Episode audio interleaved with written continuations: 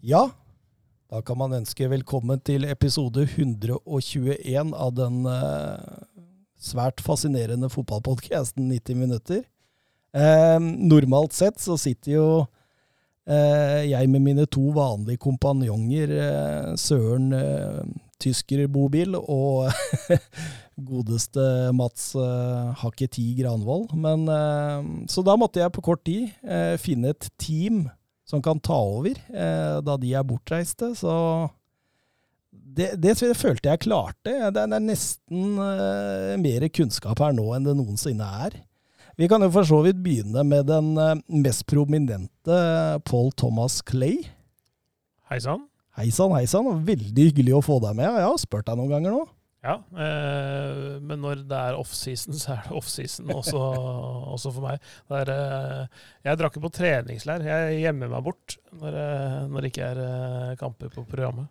Ja, deilig, deilig, deilig. Du er eh, ja, fotballkommentator? Det er helt riktig. Ja. Mm. Eh, Viasat, er det det? Eh, det het, de lineære kanalene heter jo V-sport nå. Ja. Eh, og så, heter, så, er det jo Viaplay, da, hvor du får absolutt alt.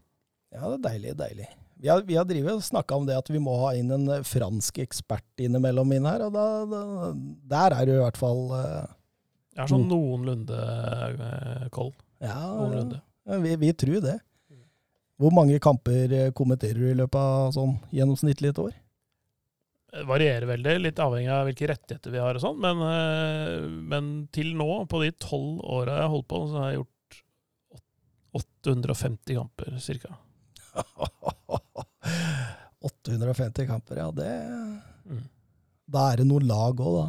Er, ja, hvis du skulle telt opp det, så vil jeg anslå at det er et sted rundt 400 forskjellige lag, kanskje. Eh, var et av de laga Nottingham Forest? Jeg har vært innom de et par anledninger, ja. Ja, for da er det jo glidende overgang til uh, jeg, jeg, uttaler ikke etternavnet ditt mer, for da får jeg bare kjeft. Ja, takk. Ja. Takk for det. Du har gjort nok skade allerede, da, når du uttalte det feil i fjor. Og hva var det du skrev for noe på Twitter før dagens episode? Det var Norges beste fotballkommentator som var gjest. Ja, det er Og en ordkunstner. Ja, det, det, det er neste ja, Forest-supporter. Ja, Forest-supporter. Ja, så jeg er i hvert fall ikke haussa opp, og det er veldig bra. Det er hyggelig å ha deg med nok en gang, da, Martin. Ja, det er hyggelig å være her, da. Det er. Du, du, følte ikke du fikk den rette opphaussingen? I. ja, men Det er jeg jo veldig glad for. Så fallhøyden er lav, ikke sant. Det er jo helt gull, det. Ja, ja, ja. Nei, men det, det er fint. Åssen går det med sesongforberedelsene i, i Nottingham? Første kamp var jo i går. Ja. Mot uh, Coventry borte. Åssen gikk det? Veldig bra førsteomgang. Leda 1-0. Det uh, så ut til at uh, ting hadde skjedd i løpet av ferien. Hva er dette for noe, tenkte jeg. Så kom jo andre omgang, da. Da kjørte Coventry. Ja. 1-1 etter 80 minutter. Mm. Og 2-1 til Coventry, seks minutter på overtid. Så da var alt som normalt. En nydelig start på sesongen. Ja, fantastisk. Ja, ja, ja. Eh, over til deg, eh, Tor Kjetil Mordalen. Du, du, du, var jo liksom sånn Du var fast under EM, du. Ja, lang grunn så ble jeg det. Jeg skjønner ikke hva dere driver med.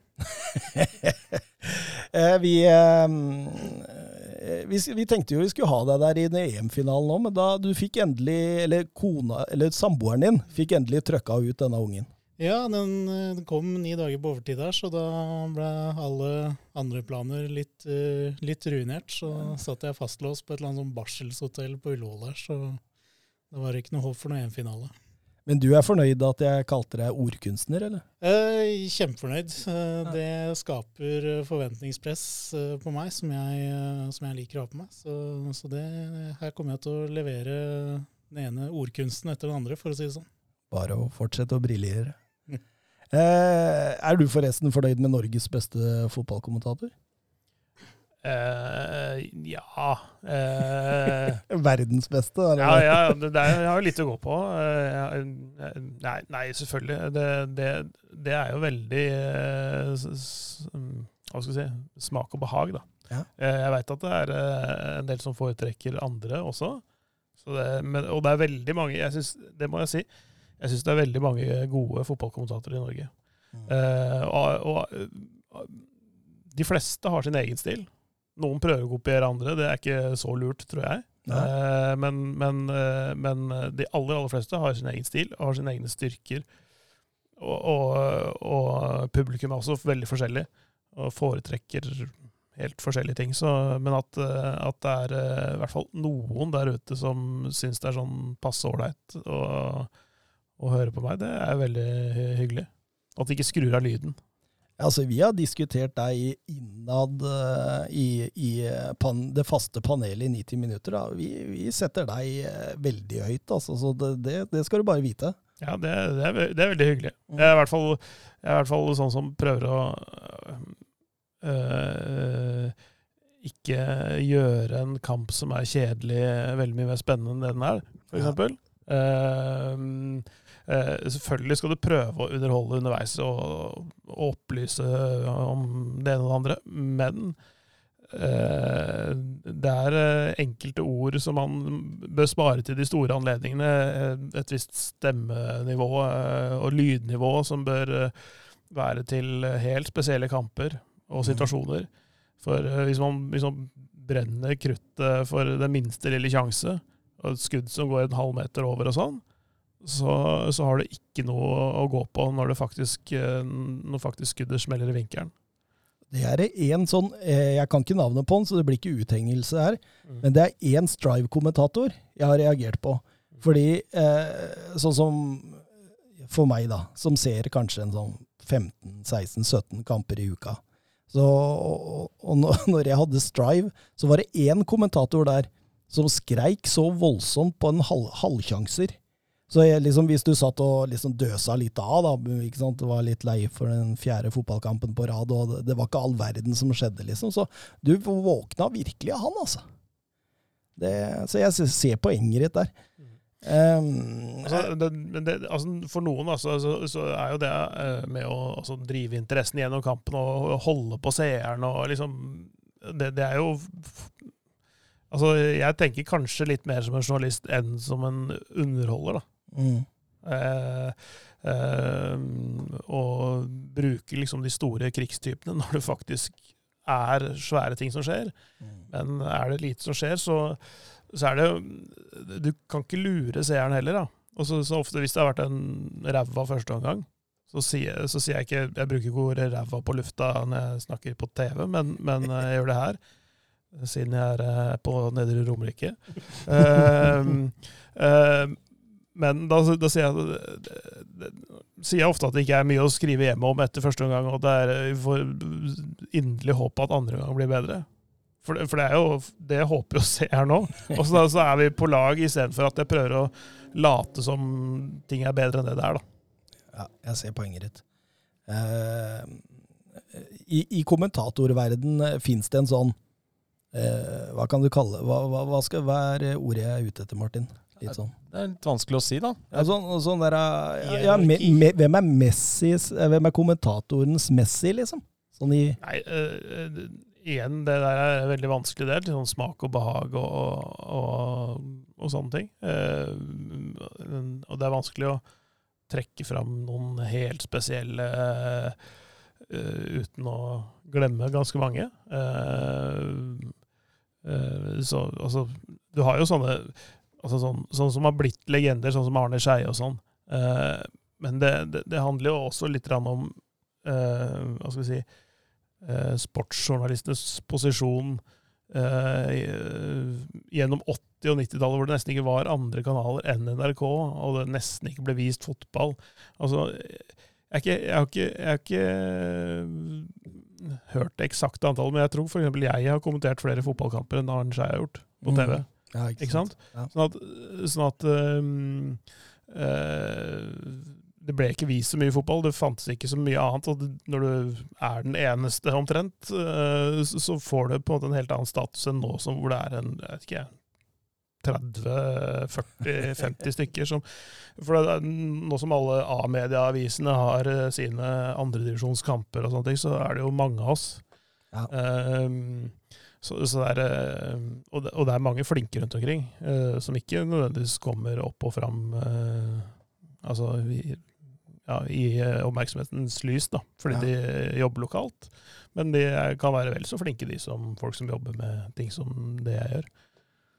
Så, eh, så jeg, jeg kan ikke plukke ut noe av, av de nåværende som, eh, som er eh, veldig mye bedre enn de andre. De, de har hver sine ting. Mm. Det er så, som, som å sammenligne Messi og Ronaldo, da, det går jo ikke egentlig an. For de er to helt forskjellige typer spillere. Og selv om de har spilt mot hverandre i alle år og har kjempa om målrekorder, og sånne ting, så er det én som er først og fremst et treningsprodukt, og andre er et helt uh, sinnssykt talent. da. Altså, altså Det er to forskjellige typer talenter. Mm. Um, så det er, det er vanskelig å sammenligne. Øyvind Alsaker er flink. Mm. Uh, noen mener han er eh, biased til Liverpool, tror jeg. Eh, men altså, men, altså, jeg, jeg, tror, jeg tror det er folk som ikke er på Liverpool, som hører etter om han høres mer entusiastisk ut når de scorer eller ikke. Det Ja. synes jeg, jeg syns det er urettferdig, for han, er, han har masse integritet, ikke sant. Og, så, eh, han er flink. Roar Stokke er flink. Det, men, er det, men det er liksom de nestorene, på en måte. Men så er det mange av oss som er eh, i alderen 30-40, som, eh, som har holdt på i mange år, som er flinke rundt omkring. Så det er Ja. Det er deilig. Det er deilig. Andy Gray, han er flink. Ja, hvis han eh, ikke kom med upassende kommentarer på lufta. Ja, han, han, han fikk vel sparken, han gjorde han ikke det? Ja, jeg husker ikke helt hva det var, men det var, var, var noe med kvinnelige linjedommere Ja, sånn, var det ikke det? Uff faen meg, uff faen meg. eh, vi kan eh, Siden vi har fått en så prominent gjest i dag, så har vi også fått eh, noen spørsmål, eller Ja, det er jo ikke noe spørsmål, egentlig. Jørgen B. Ready Nystuen, lyttelegenden lytterlegenden vår, som eh, Martin eh, valgte å døpe den. Ja, det var vel berettiget, det, var det ikke det? Ja, jo, for all del. Han, han pumper løs, han. Og eh, han skriver 'Fantastisk med Clay, Norges beste kommentator'. Fantastisk fyr. fantastisk, fantastisk, fantastisk. Clay i 90 minutter er så vakkert at jeg får tårer i øynene. Hva sier du til det? Eh, Det blir litt mye. Det er litt vanskelig, vanskelig å forholde seg til for en eh, Hva er- det man sier når man får ros? Eh, For en enkel kar fra Strømmen. Eh, eh, Nei, altså Det er veldig hyggelig at folk liker det jeg driver med. Det, tror jeg alle syns, i de, alle de jobbene de har. Uh, man er jo i en sånn utsatt posisjon som kommentator, men, uh, men når man får sånne ting som det der, så er, det jo, er det jo hyggelig. da. Det Da veit du at det treffer noe, i hvert fall. Ja, for jeg, jeg kan jo tenke meg, liksom, når jeg leser inne på Twitter og sånt, og litt sånn upopulære meninger altså, nå, nå sitter vi jo som vanlig, nær sagt, de siste episodene i mottak i media, altså harde mottak, og, og det er altså Trym Hogner da, som har klart å få oss inn her, og det er helt strålende gjort. Eh, men jeg, jeg har fulgt litt med på han på Twitter. da. Eh, han får veldig mye tyn for upopulære meninger. Eh, og jeg kan jo tenke meg gjennom en fotballkamp, sånn som du som snakka om at du kommenterte ett år 130 fotballkamper. Du må jo ha sagt masse upopulært. Hvis du skjønner hvor jeg skal hen? Jo, jo. jo. Eh, ja, altså det, det, er noe, sånn- det er ikke noe sånn poeng i seg sjøl å si upopulære ting. Men du kan si ting som supporterne ikke nødvendigvis liker. Mm. Men så lenge det er godt begrunna, Ja. så går det greit. Altså, for eksempel, eh, jeg kommenterte fire av Manchester Uniteds gruppespillskamper den høsten i Champions League hvor de hadde David Moyes som manager. Det var jo ikke den stolteste perioden i den klubben eh, Den stolteste perioden i den klubbens historie. Um, men jeg klarte, jeg klarte tror jeg, manøvrere på den måten at, eh, at eh, altså, det er lett å liksom være tabloid og liksom skape overskrifter og sånne ting, men- jeg ser ikke helt poenget i det. Altså, se hva som skjer, og ta det på en nøktern måte, så tror jeg, tror jeg man kommer ganske langt med det. Men, altså, men da, ja, da eh, blir man jo lite kontroversiell, da. Jeg er nok litt, eh, jeg er nok litt eh, kanskje litt konfliktsky også, men, men, men, men jeg, jeg ser ikke noe poeng i å lage, et, lage bråk bare for bråkets egen del. Da. Det må være av en grunn, da. Mm. Men en ting jeg lurer på, det er når du sitter og kommenterer aleine, og så er det en eller annen gammel fyr som er i bildet i ti sekunder, som alle skjønner er en eller annen klubblegende eller en kjent uh, person, som du ikke aner hvem er. Mm. Hvor kleint er det? Nei, ofte så eh, så unnskylder jeg meg at jeg titta ned i papirene eller noe sånt nå. Okay. Og det, og det hender ofte at jeg gjør òg, for det, det, det er en grunn til at, de, eh, at produser viser bilde av folk som sitter på tribunen. Det er jo fordi det ikke skjer noe i kampen. Ja. Så leser jeg meg gjerne litt opp, og så Eller så sier jeg at eh, jeg, hvis, det er liksom, hvis det er flere da, eh, sånne type gråhåra folk som sitter der, og så ja, der er eh, alle legendene på plass, ja. Sånn, sånn, uten at jeg veit egentlig hvem det er. Eh, Rutinert? ja, altså sånn, du styrer unna det på et eller annet vis, da. Mm. Kontroversielle situasjoner, f.eks. utpå banen, hvor, hvor det er faktisk vanskelig å, å se, ser, hva som skjer. Så sier jeg at det er vanskelig å se fra der jeg sitter, og, som gir inntrykk av at jeg kanskje er til stede. Mm. Jeg sier ikke at jeg er til stede, Mm. og jeg ser akkurat de samme bildene som dere ser der hjemme. Men jeg, men jeg bruker det er vanskelig å se fra der jeg sitter, for det er vanskelig å se fra der jeg sitter, for jeg sitter og ser bare på TV-bildene. Jeg ser ikke, ser ikke ut på banen sånn. Mm. Så det er sånn, du finner sånne små måter å jobbe deg rundt ja, sånne vanskeligheter, da. Mm. Uh, som eh, ja. Rutine i arbeid. Ja. Det er det det heter. Eh, videre, eh, Vegard 2K på Twitter. Hvor mye bladde 90 minutter opp til fotballuka for Clay? jeg, jeg, det er ikke en permanent overgang. eh, Det er en eh, showkamp. ja. hvor jeg bare, eller en velde, en veldedighetsmatch. Veldedighetsskap? Sier du nå at han får penger for å være her? Ja. Jeg måtte betale, Ja, du måtte betale, ja. Ja, ja, nei, eh, altså Jeg har ikke fått så mye som en flukshode. eh, Jeg tror du kan ta Altså, han, eh, han har øst eh, ut eh, til oss tidligere, så jeg tror, eh, jeg tror ikke han tenkte at du kanskje hadde lyst på. Ja, Kanskje Roma mineralvannfabrikk setter pris på at vi nevner eh, produktet deres i sendingen. At, eh, Er det det er sånn man sklir inn litt sånn produktplassering. Hvor mye får du betalt av Roma? Ja, jeg, jeg har fortsatt ikke, til dags dato, aldri blitt eh, prøvd lurt inn i noe sånt engang. Nei, Jeg har for, jeg har for mye integritet. vet du. Men nå er jo budsjett Altså, jeg husker en gang så sto jeg på Åråsen eh, som den Lillestrøm-supporteren jeg er. Lillestrøm hadde tapt 0-1 mot Tromsø, og det hadde vært en haug av eh, kontroversielle dommersituasjoner. Jeg sto på tribunen der og ropte ned til daværende Tromsø-trener Steinar Pedersen. Nei, Steinar Nilsen. Steinar Nilsen. Eh, hvor mye kosta dette? Og Da snudde han seg, og så så han opp på meg, og så sa han vi har ikke økonomi til det i Tromsø. Og, og det er litt sånn her også. altså Mm. Budsjettet til 90 minutter, det, det, det, vi er avhengig av veldedighet. Men eh, hvis Roma Mineralvann har lyst til å sponse dere Nei, Så- men altså, vi, vi har tidligere sagt nei til sponsorer, faktisk. Men det handler litt om at vi vil være litt sånn frittstående. Vi vil gjøre, vi vil gjøre det vi sjøl vil. Eh, så, så, så kan jo selvfølgelig folk komme med tilbud, så skal vi tenke på dem. Det har, eh, det, det har vært noe, og det har, til og med vært en som har vært ute etter å, å brande oss og begynne å lage merchandise for oss. Og det Men vi får se. Um, Jeg kjøper iallfall Søren Dupker 'Jeg hater ingen'-T-skjorta hvis den kommer. ja, men ta med deg to pluss to er fem òg, fra Mats Granvold, så, så har hun. Eh, Geir Halvor Kleiva, også en eh, fast lytter, eh, spør eh, Får høre dere nevne tre spillere hver dere er meget spente på å se i ny klubb, gjerne noen litt under radar. Gleder meg til å høre Clay, sier han i tillegg, sa han. Jeg er åpenbart en fan han, Clay. Ja, det er hyggelig. Veldig, veldig hyggelig, det. Kjenner du igjen disse navnene fra Eh, var det Geir eh, Halvor Kleiva du sa nå? ja? Og V2K, som er Morata-mannen? Det er Morata-mannen, ja. Det, for han har jeg det- hørt om dere snakka om. Ja, han, eh, han har også vært eh, bid, si, bidragsyter fra, fra siden i fotballuka sine sendinger. Og Jørgen.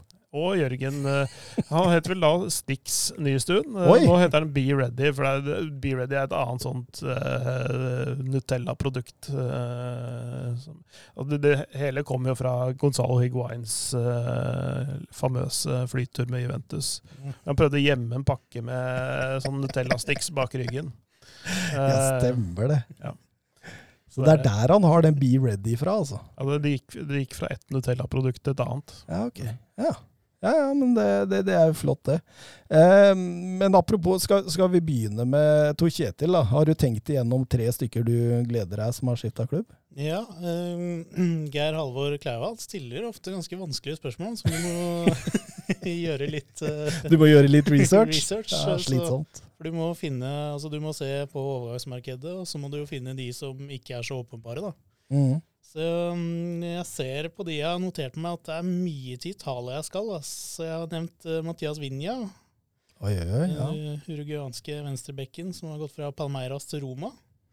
Ja. Eh, skal ikke skryte med at jeg har sett veldig mye av han i Palmeiras, men eh, de klippene og sånn jeg har sett av han, så virker han jo som en spennende back-type med godt driv, god fysikk, eh, og som kan bli spennende å se i Roma. Det er jo alltid også litt spennende å være back et Mourinho-system, kanskje, men, eh, men eh, jeg tror det kan bli gøy å se han. Eh, Skal jeg nevne alle tre, eller? ja, kjør på. Så har jeg tatt Matteo Loato fra Verona til Atalanta.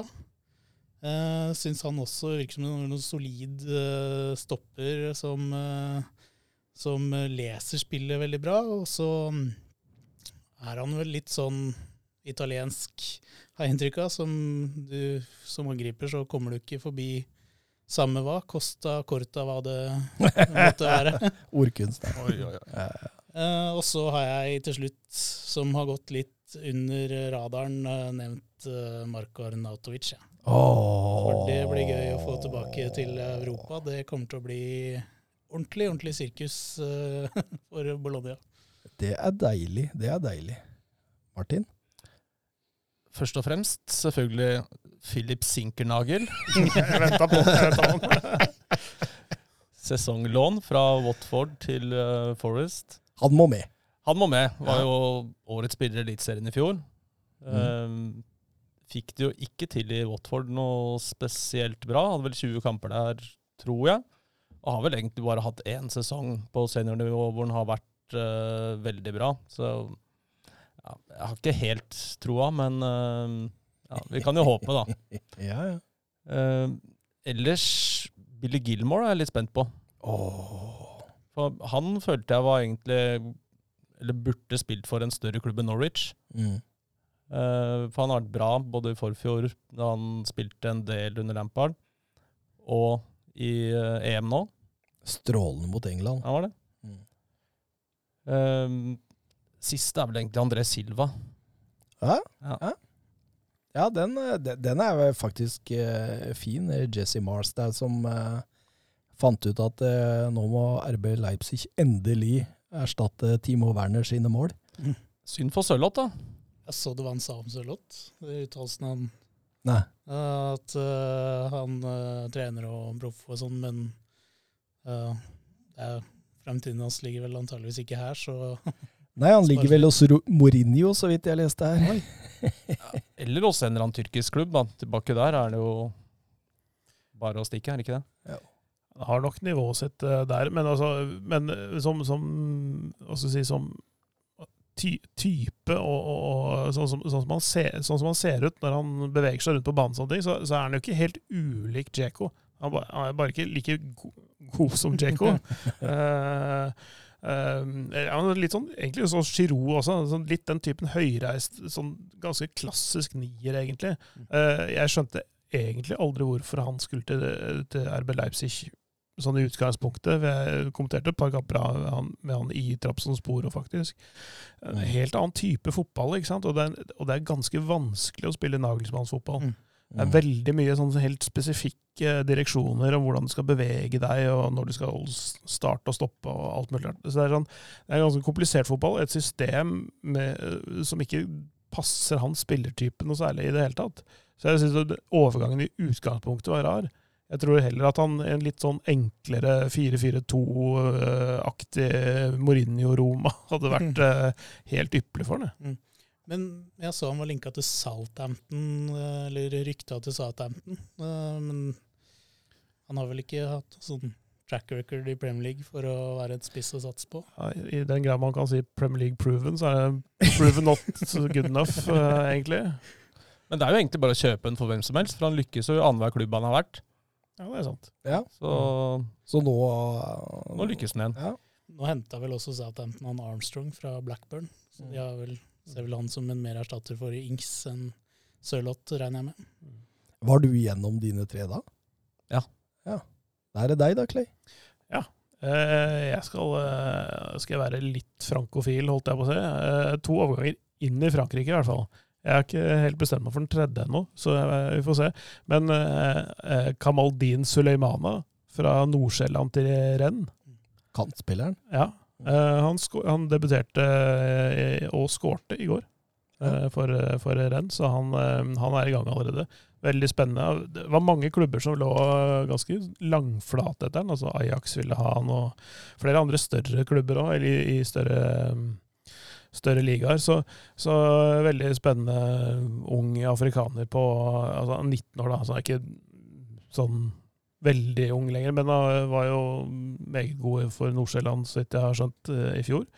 Så han har allerede starta. Og, og, og Rennes har trengt eh, skal si, en, en, en mer stabil målleverandør der framme. Eh, De har prøvd seg med litt forskjellig Mbaye Niang og uh, Siabatchø, som eh, begge de to har gått fra klubben. Så, så litt eh, mer stabil målleveranse på topp, så er jo Rennes så lenge de klarer å holde Kamavinga, da. Eh, faktisk et topp fire-lag, eh, eller kan spille om å være en topp fire-lag i, i Frankrike. Eh, har jo mm, Frankrikes rikeste mann bak klubben, så det, det er en klubb som har godt med penger. Altså, sånn, ikke, altså De bruker jo ikke alle sine penger på fotballklubben, men altså de, de, de er i en god situasjon. De er ikke en av de eh, med store gjeldsproblemer og sånne ting. Um, så, sånn at det, det, er et fint sted å være. Renn var tidligere på 2000-tallet, så hadde de tror jeg det var åtte eller ti år på rad ble kåra til å ha det beste ungdomsakademiet i Frankrike. Ja. Um, men det, er, det, ligger litt tilbake i tid, men allikevel de, det er et godt sted for unge spillere å være og utvikle seg. Og sånn klassisk sånn der, mellomsteg til de virkelig store klubbene. Ja. Så han, han er en. Altså, kanskje en av overgangs... I hvert fall det som ser ut som nå, en av overgangsvinduets beste bargains for tre millioner euro. Conrad de la Fuente oh. fra Barcelona til Marseille. Mm. Har sett glimt fra et par treningskamper og, og nå serieåpninga i går, hvor han setter opp et av Dimitri Payets mål. Han skåret to. Samarbeidet de to imellom kan bli veldig bra. og så er, jeg litt, så er jeg litt spent på Gendosi og Saliba faktisk også inn der i Marseille, som, som altså det, det, ble fire, da, men uh, ikke ja. tre. Men, ja. uh, men, uh, men Marseille tror jeg altså sånn, Det er mange lag som har ligget litt lavt i transfermarkedet. Marseille har ikke gjort det. De starta med sju nysigneringer i går. og med Sampaoli som trener, med full oppkjøring, så tror jeg det kan bli ganske gøyalt. Det blir i hvert fall ikke kjedelig på noe som helst vis. Uh, jeg kommenterte også Sampaolis første match i, i, Sevilla når han trente der. Det var vel en 5-4-kamp, tror jeg. Sånt. Mm. Så det, det, er alltid action. De lå jo under 2-0 i går og vant 3-2. Ja. De lå under 2-0 når det gjensto en halv omgang, men allikevel vant de 3-2. Så, det, så det, mm, de tror jeg kan bli spennende. Og det er, hvis det først uh, tar fyr i teltet noe sted, så er jo det i Marseille. ja, det kan du trygt si. Og sånn Pajoli er vel ikke akkurat den som står med brannslukkingsapparat når det først tar fyr heller, har jeg følelse av. Nei, og han, han, klarte å fyre Emery såpass mye opp at Emery fikk rødt kort i en treningskamp nå for, rett før serien starta. Så når du får Emery til å fyre så kraftig, da, da, da er du god, altså. Good evening. Good evening. Eh, ja, eh, nydelige navn. Eh, Jeg hadde faktisk eh, dratt med meg Mathias Vinja, jeg også, fra, som gikk til Roma nå. Han var jo en plan B. Altså, det var jo Telles de åpenbart var ute etter over hele linja. Men jeg så en del av Copa America-kampene til Uruguay, og han Jeg er ikke sikker på at plan B er noe særlig dårligere enn plan A her. Eh, ser veldig bra ut. 13 millioner euro. Tror det kan være bra kjøp av Mourinho. Eh, jeg har også tatt med Marko Arnatovic, selvfølgelig fordi jeg er Marko Arnatovic-fan. Jeg syns han er en kul fotballspiller. Han kunne nok fått mye mer ut av den karrieren sin enn det han har fått, men, eh, men eh, det er jo en fantastisk personlighet og en, en spiller med Altså, han er litt slatansk. Litt sånn Jeg syns det er nydelig å se på. Og så jeg Altså, kjenner han inn litt fra Hammarby eh, for et par sesonger siden. Gikk til Klubb Brygge, gjorde braksuksess der, og nå er den i Leverkosen. Veit dere hvem jeg snakker om da? Kosono fra Odilon Kosono. Han eh, 20 år gammel eh, midtstopper som eh, Han er gigant. 1,91 høy, tror jeg. Strålende Altså duellspiller. Litt sånn ja, Opamecano-ish. Eh, fysikk helt rå. Så jeg, jeg, jeg, tror jeg kanskje går for de tre, men jeg, jeg, jeg følte meg litt frista av Sulemana, ja, og han har vært ukas talent her eh, for et par år siden. Mm. Hvor vi fulgte den i Nordsjælland, var det vel, ja. Så eh, mye, mye bra. Men det er vel, altså under radaren. Det, det, det kan jo tolkes eh, på mange forskjellige måter. Eh, den eh, overgangen jeg faktisk virkelig ønsker eh, og gleder meg mest til å se, det er jo se hvordan det går med Jack Grealish i, i City. Det blir spennende, men det kan vi komme tilbake til. Um, kan jeg bytte ut uh, Saliba Gendosi med, med, en som jeg kom på nå, som jeg, som jeg, er litt spent på hvordan kommer til å funke? Mm. Som ikke er så godt under radaren, men Leon Bailey til Aston Villa. Mm. Ja, det, det, tror jeg kan bli gøy. Uh, jeg har veldig sansen eh, for Leon Bailey. Hvis han får det til å funke, så tror jeg han kan være en, en hit, faktisk, i, i, Premier League. altså. Ja, det, det, jeg så han i Leverkosen, var jo eh, altså varierende, men, mm. men, på sitt beste helt strålende. Veldig høyt toppnivå. Ja. Det er liksom det å heve bunnivået. Så en sjamaikaner i Birmingham det tror jeg kan bli eh, veldig fint. Ja, ja, ja. ja. Er han ikke, ikke bestekompis til han der av sprinteren nå? Hva er han heter igjen? Ja. Safa Powell? Nei, Usain eller Bolt. Usain Bolt. Usain Bolt, ja. ja. Jeg tror de driver og drar på ferieturer sammen og sånt, så eh, kan ha noe med hurtigheten hans der, for han er rask på de første metera. Altså. Gode gener på Jamaica. Det, det, det ligger noen sprintgener der. Og en del piller, sikkert. da. jeg, tror vi kan kalle det, vi kaller det vitaminbjørner i fotballuka. Eh, for vi, snakker om Juventus og sånne ting. Men, eh, men det er også, også, et godt treningsregime kan man også bruke. sånt. Men under radaren, Aston Villa, de føler jeg opererer under radaren. Plutselig dukker Danny Ings opp. og ja, Den så ingen komme. Nei, plutselig bare står han der igjen.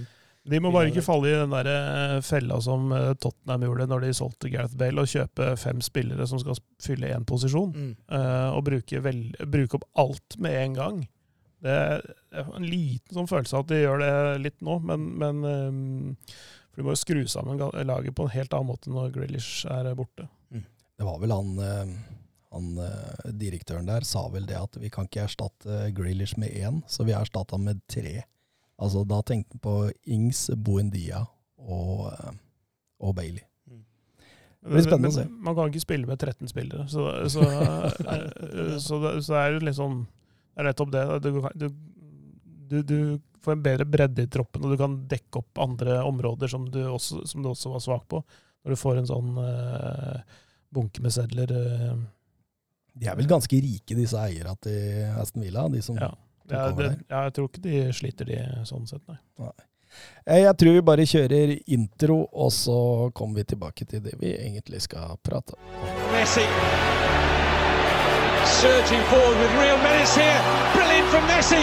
Oh, what a goal that is! It defies description. How about sensational? Superb? nu Johan ute! Og det blir et Det blir mål! Det blir mål! Det er det verste jeg har sett! Det er ikke klokt! Han Ja, da var vi tilbake. Um, vi skal snakke om uh, Lionel Messi. Vi må jo snakke om Lionel Messi. Uh, uh, vi har jo vært her nå noen uker hvor Mats som Barcelona-fans har sittet her og sagt at ah, det er så dårlig økonomi nå, vi får ikke registrert noen av spillerne vi har henta inn. og, og sittet og venta på dette med Messi, og så plutselig så slår bomben ned om at Lionel Messi kommer til å uh, forlate, altså angivelig forlate Barcelona. Eh, hva, hva, var dine første tanker, uh, Clay? Mine første tanker var at dette her er et et regissert spill for galleriet og for La Liga foreningen, jeg husker ikke hva det heter, men i hvert fall han T-Bass, presidenten der. Eh, og, og, disse reglene om lønnstak og, og sånne ting.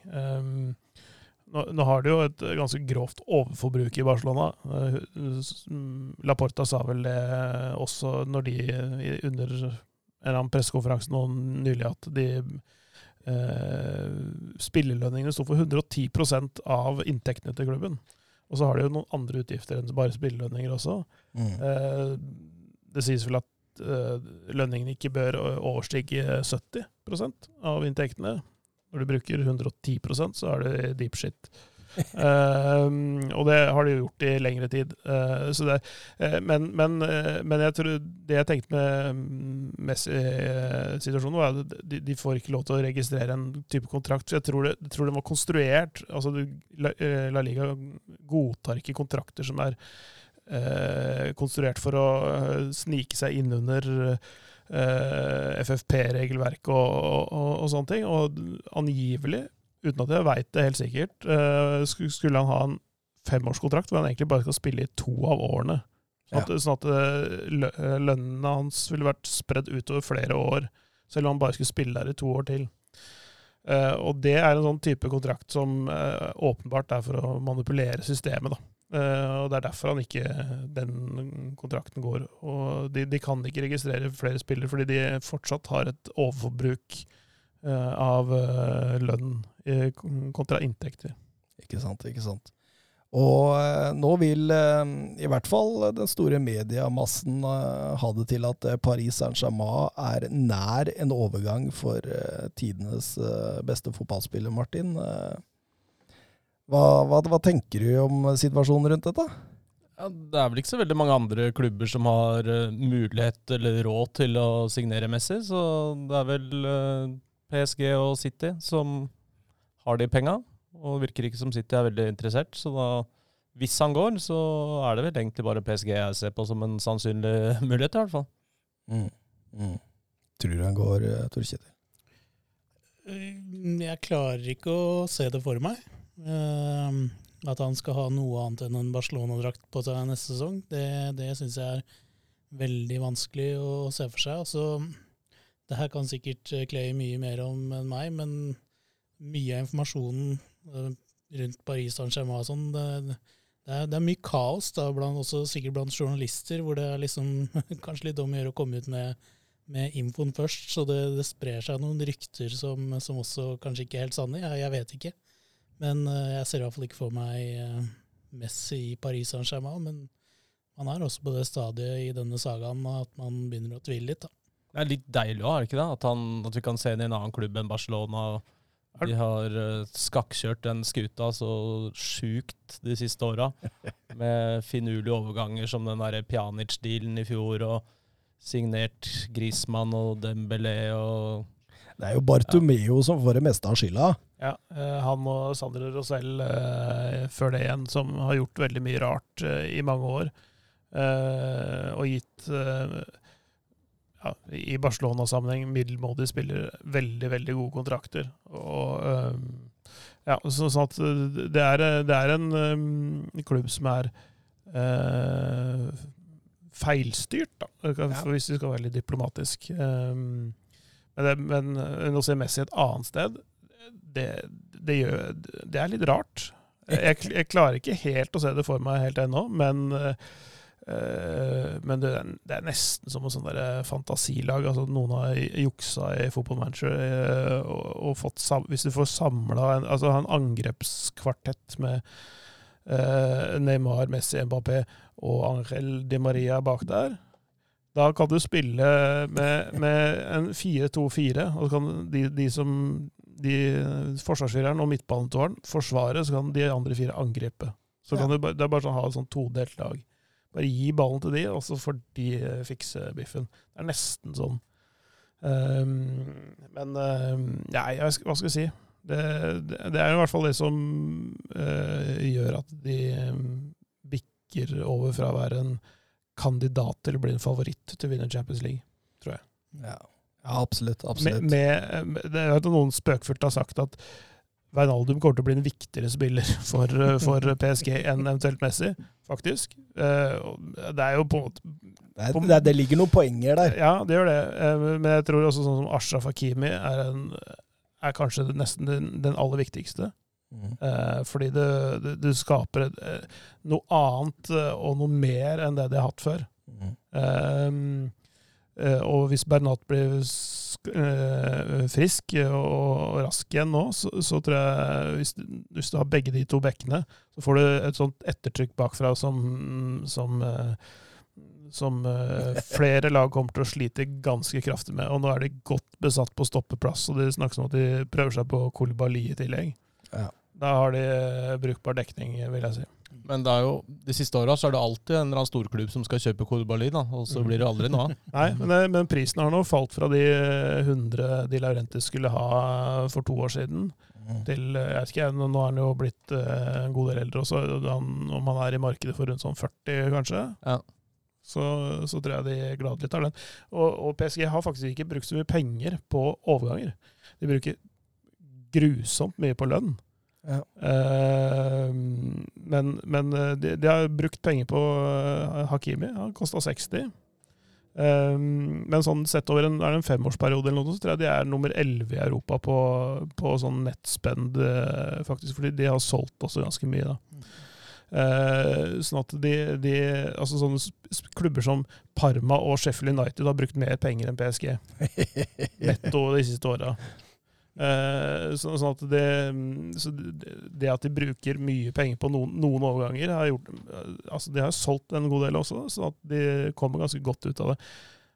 det. Og da snakker vi ikke så veldig om hvor disse pengene kommer fra.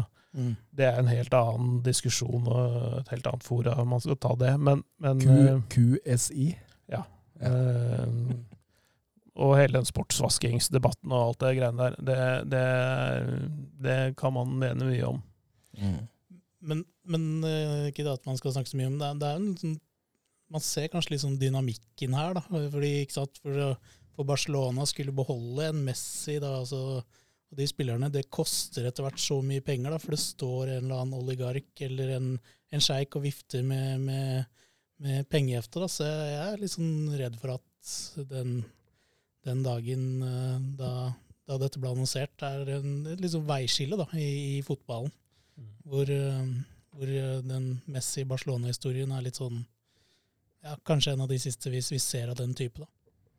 Jeg, jeg, jeg, jeg tenker jo at uh, altså, Barcelona de, de, har jo bare seg selv å, skylde, som uh, Kle er inne på her. Det er jo overbetalt altså Jan Førselstein, Barcelona-spillere. Gode, gode spillere, for all del, men altså det å kvitte seg med disse spillerne nå så Nå har de prøvd Pjanic, Langley Lengli eh, Det er jo eh, Grismann var jo snakk om var åpen for en, en, en tur vekk.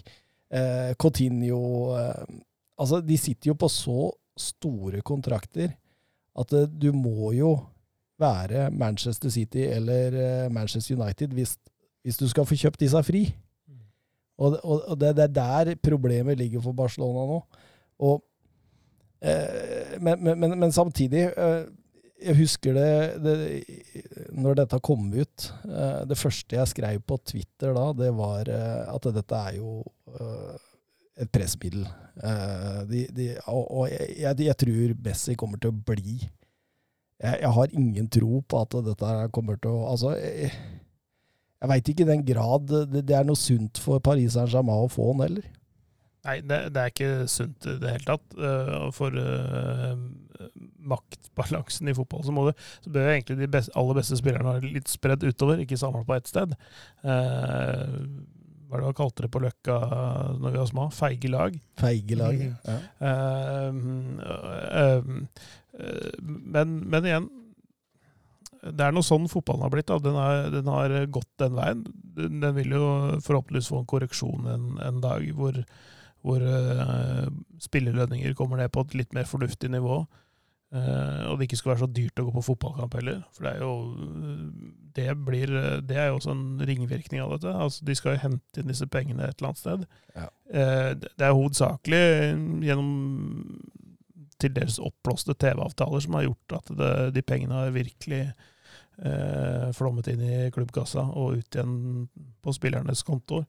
Eh, men, men ja, eh, jeg vet ikke hva jeg skal si. Det er, eh, det, er sånn fotballen har blitt. da. Det må man bare forholde seg til. Og, når man snakker om summer i fotballsammenheng, så så, så, så, kan man ikke relatere det til vanlige folks økonomi, tenker jeg. Altså, altså, altså det, det, man må snakke om forholdsstørrelser mellom klubbene. Ja. Eh, mer enn at man tenker på det som kroneverdi eller noe sånt. For det er sånn eh, Det er helt absurde summer.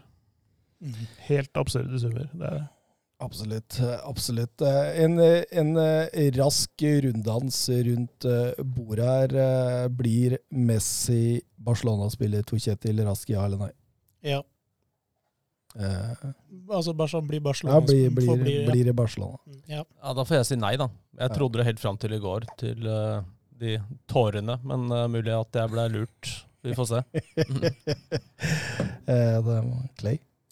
For, eh, for fransk fotballs del så håper jeg at Messi drar dit, fordi eh, det er i deep shit hele fransk fotball pga. en kollaps av TV-avtalen som kom eh, ja, i fjor. Mm. Så dette kommer til å redde økonomien til mange franske fotballklubber. Ikke bare at det er artig å se han i Paris som et sånn sportslig eksperiment, men det kommer til å redde økonomien til mange lag. Mm. Det kommer til å være fullt på alle stadioner Messi spiller. Så du håper det, men tror Ja, skal jeg si at jeg tror det, da? Ja. ja. Oi, oi, oi, oi, oi. Du snakker her sjæl eh, overbevist? ja. Nei, jeg, jeg, jeg, klarer ikke å tro på det. Jeg klarer ikke, men, eh, men eh, Jeg holdt på å si det har vel skjedd større under, men har, har egentlig det hvis det skjer. Altså, det er Lionel Messi, liksom. Det er altså utvilsomt, i hvert fall for min del, tidenes beste fotballspiller. Eh, altså eh, Høre folk snakke litt sånn Ja, Ronaldo, Maradona Men altså, altså for meg så når, altså, Det når ikke opp engang. Nei. Altså, nei, det er jo Altså, jeg som, som er for ung for, eh, for Maradona, fall primetime, eh, så, så er jo Messi og Ronaldo Det er jo mine guder fra, fra min oppvekst. Så så, så, og jeg tror du har vært heldig som har fått oppleve de to. Ja. Jeg tror det. Men, men det, er med, det, er noe med, hele settingen her som er så rar. Da. Det virker så planlagt. ikke sant? Det, skulle, det virker nesten som at et tidsskjema. Da. Det skal skje på den dagen, det skal skje på den dagen. Ja. Så det, det, er, sånn, det, er noe som virker som det er liksom støpt i en eller annen form, da, som har vært planlagt lenge.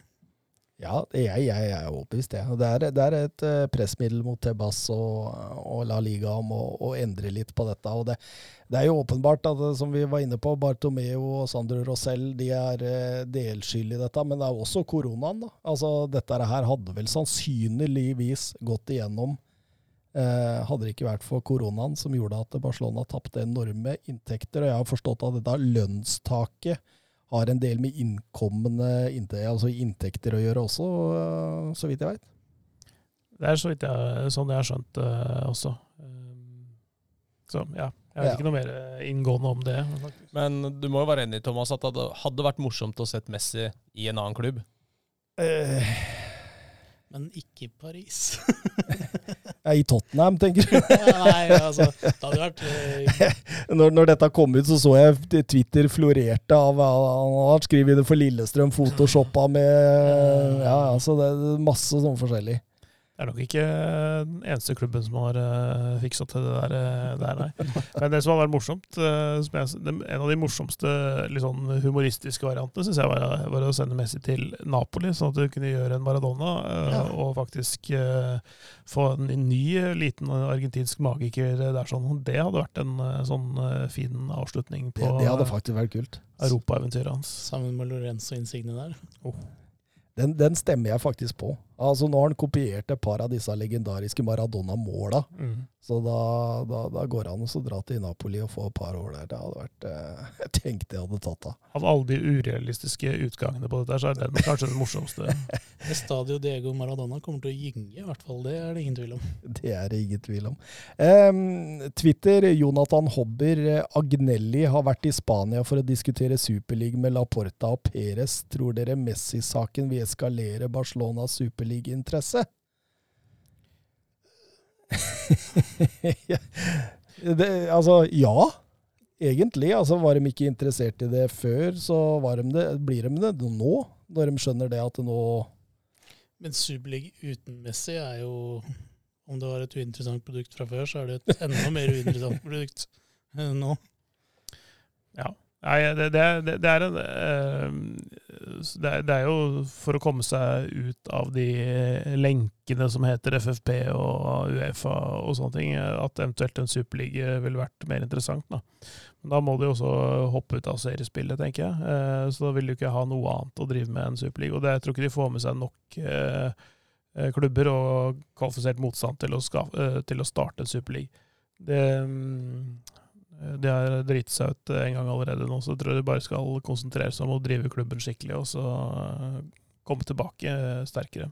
Ja, det, det tenker jeg òg. Eh, Real Madrid.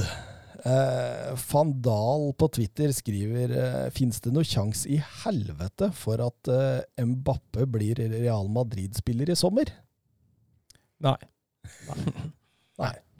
Det er jo litt sånn Altså alle som har vært en tur i helvete, vet jo at uh, det er et fint sted hvis du driver litt sånn shady og, og dealer med jævelen, som kanskje mange ser på um, men det gjør jo Perez. Ja, ja, men uh, perleporten åpner seg jo neste år, da, når, uh, når når Bappe gratis. går ut av kontrakt. Så. Men åssen er kontraktsituasjonen? Altså, det, det, skrives veldig veldig mye. Hva, hva sies det i Frankrike, egentlig? Ja, han, har, han har ett år igjen. Ja. Uh, da, når kontrakter er over, så ser man jo hva som skjer. Uh, da er man uh, klubbløs, og da kan man signere for hvem man vil. han har jo vært Real Madrid-fan siden han var bitte liten, så han har nok lyst til å spille der på et eller annet tidspunkt. grunnen til at han ikke har skrevet ny kontrakt i PSG, er at han har vært misfornøyd med, med, med innkjøpene, retningen de har tatt, og at, at de har lagt seg på det, han, det man kan kalle et for lavt ambisjonsnivå. da. Eh, for han så er det ikke eh, Begynner han ikke å sikle over en eh, Julian Draxler-overgang. Nei, for det, det, var et par år det var en liten E igjen. Ja, altså, altså, de, de, har, altså de spillerne de har henta, har vært gode, det altså bevares, men, men, det liksom, men, det er liksom, ikke på det nivået han sjøl mener han er. da. Mm. Uh, Eh, men hvis de henter Messi, så er det jo ikke noe grunn til å dra fra PSG. Så da er det nesten så det, er, eh, det bikker over mot en kontraktsforlengelse. Eh, tenker jeg at det er, det er ikke noe grunn til å, å, dra til Real Madrid når du spiller sammen med Neymar og Messi. Så, så det, for no, no, noen har sett på dette som at Messi til PSG, ja, men da, da trenger PSG penger. og, og og da er Mbappé til Real Madrid et sånn logisk neste sånn dominobrikke som faller. Mm. Men jeg tror heller at, eh, at den uh, blir stående enda mer støtt hvis, uh, hvis Messi havner i PSG. Mm. Mm. Og da blir den ikke gratis neste sommer, for å si det sånn. Nei, da, da, da, går den for litt mer hvis han skulle gå. Eh, altså eh, men, men, men, men den, den, langsiktige planen i PSG nå, da, det er, er, det bare kasta bort, og så er det sånn Champions League? Det er det det går på? Ja, det er det, det, er det de De har vunnet eh, hva er det, sju eh, seriegull, åtte seriegull i Qatar-æraen, mm. siden de tok over i desember 2011. Eh, det er jo for så vidt hyggelig, det å vinne et, et seriegull. og De liker jo ikke å tape og sånne ting, men, men det, er, det, eneste de måles på, er Champions League-suksess nå. Det er, det, det er, det det står og faller på. Det har de snakka om uh, sjøl også, at det er, liksom, det, det, er det endelige målet. da. Og, og, og, man skjønner jo hvem som er hovedaktøren i spillet nå, Martin. Fordi vi har sittet i nå i 20 minutter og skal snakke eh, La Liga-transfers, og vi ender alltid tilbake i Paris. Så, så hovedaktøren eh, på markedet nå, det er jo Paris Saint-Germain. Ja, det er vel det, dessverre. ja, vi, vi, får bare nevne at jeg henta Ramos gratis, Donnarumma gratis. Eh, litt forskjellige eh, ender av fotballkarrieren eh, sine. Eh, en på slutten, en på den relative starten, i hvert fall. Uh, og Veinaldum gratis. så de har, eh, de har vært uh, gode også. Det er, det er så sjukt, men det stemmer jo, men det er så sjukt at man sier at uh, en er relativt i starten av karrieren sin, så han har spilt 220 Serie A-kamper. Ja, altså han er, men han er som, som keeper og er 22, så, ja. så, har du potensielt 20 år igjen. Ja, ja. Men han, er, han debuterte jo for Milan da han var 16, og har vært mer eller mindre fast siden også sjukeste er vel egentlig at du, du har henta Donnarumma, Ramos, Veinaldum, kanskje Messi, og har vært nøktern med transferbudsjettet. Ja, hadde det ikke vært Hakimi, så hadde det bare vært Danilo Pereira, som de casha vel 19 ut for. Ja, jeg er 16, tror jeg det var sånn, 16, i hvert fall sånn ja. pluss bonuser eller noe sånt, men det, det, det, tror jeg de måtte, fordi de hadde spilt såpass mye eller noe sånt. Ja. Men det, var sånn, det, det var ikke sånn jeg, Ja, det er fint å ha han som dekning, da. Ja, ikke sant. Det var ikke spesielt dyrt for Danilo Pereira heller, syns jeg, med 16. Men, men jeg tenker eh, Ligger ikke Altså, jeg så jo at eh, første seriekamp eh, de spilte en 4-3-1-2 med Draxler bak Icardi og, og Mbappe. Men, men, skulle du ikke tro at de nå gikk over til 3-4-3, rett og slett, med det mannskapet, og ikke minst innkjøpet av Hakimi, da, som er jo en mye klarere wingback enn han er en, en, en back i et, en firer bak? Jo, eh, absolutt. Eh, men, men, men du kan ha mannskap som kan spille flere forskjellige systemer. da. Mm. 3-4-3, selvfølgelig. Eh, Markinios Kimpembe Ramos eh, og kanskje Kolibali. Eh, Abdo Diallo er jo egentlig en stopper også, selv om han blitt brukt mye som back. Eh, Kerer, ja. TIL også. Mm. Så du har, du har, mange varianter der. Da. Eh, de kan spille med, med, tre, fire og fem bak. Eh, alt ettersom hva de ønsker å gjøre. Mm. Ja, det er utrolig fleksibel, den troppen der. Eh, mange gode spillere som kan flyte rundt i flere posisjoner også. Og nå mener de alvor, og kanskje Porcetino endelig får vunnet noe stort. Det får vi jo virkelig ikke håpe, da. Nei, du, du er eh, Men, men, men, men eh, å, det, var, det, var, veldig gøy å snakke fransk fotball nå. Vi prøver å komme oss litt tilbake til, eh, til der vi starter, og så tar vi fransk fotball litt etterpå. Det, dette Real Madrid-laget, da, som de har henta Alaba gratis. Veldig få rykter inn. Ser ut som du beholder disse spillerne de lånte ut sist sesong, i Bale og Ceballos. og Eh, virker liksom litt sparebluss der også. Eh, men, er det ikke noe med noe draktnummer i Spania? Du kan gi nummeret 1 til 36 eller et eller annet sånt noe. Bale spilte med nummer 50, er han tiltenkt.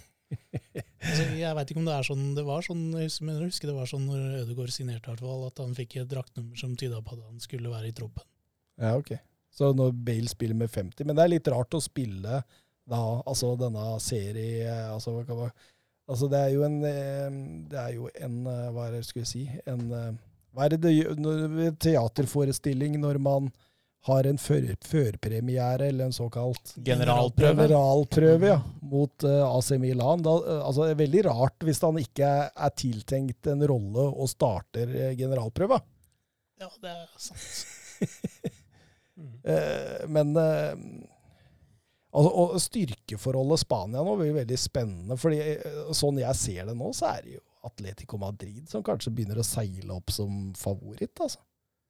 Ja, det, altså, de, de, var jo best i fjor, da.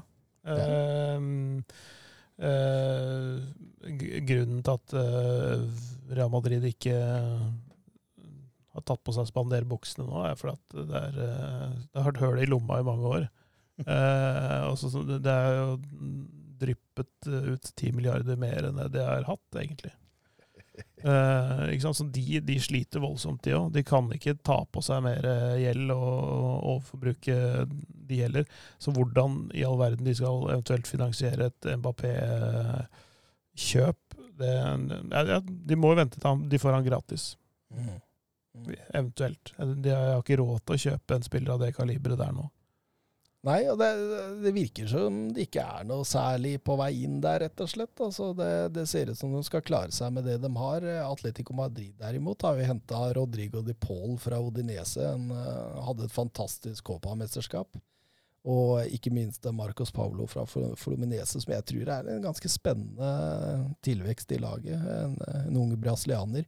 Uh, og men mye kan skje på overgangsmarkedet i Atletico Madrid enda. Det, det er mye rykter inn og ut. Tripper på vei til eh, et eller annet sted.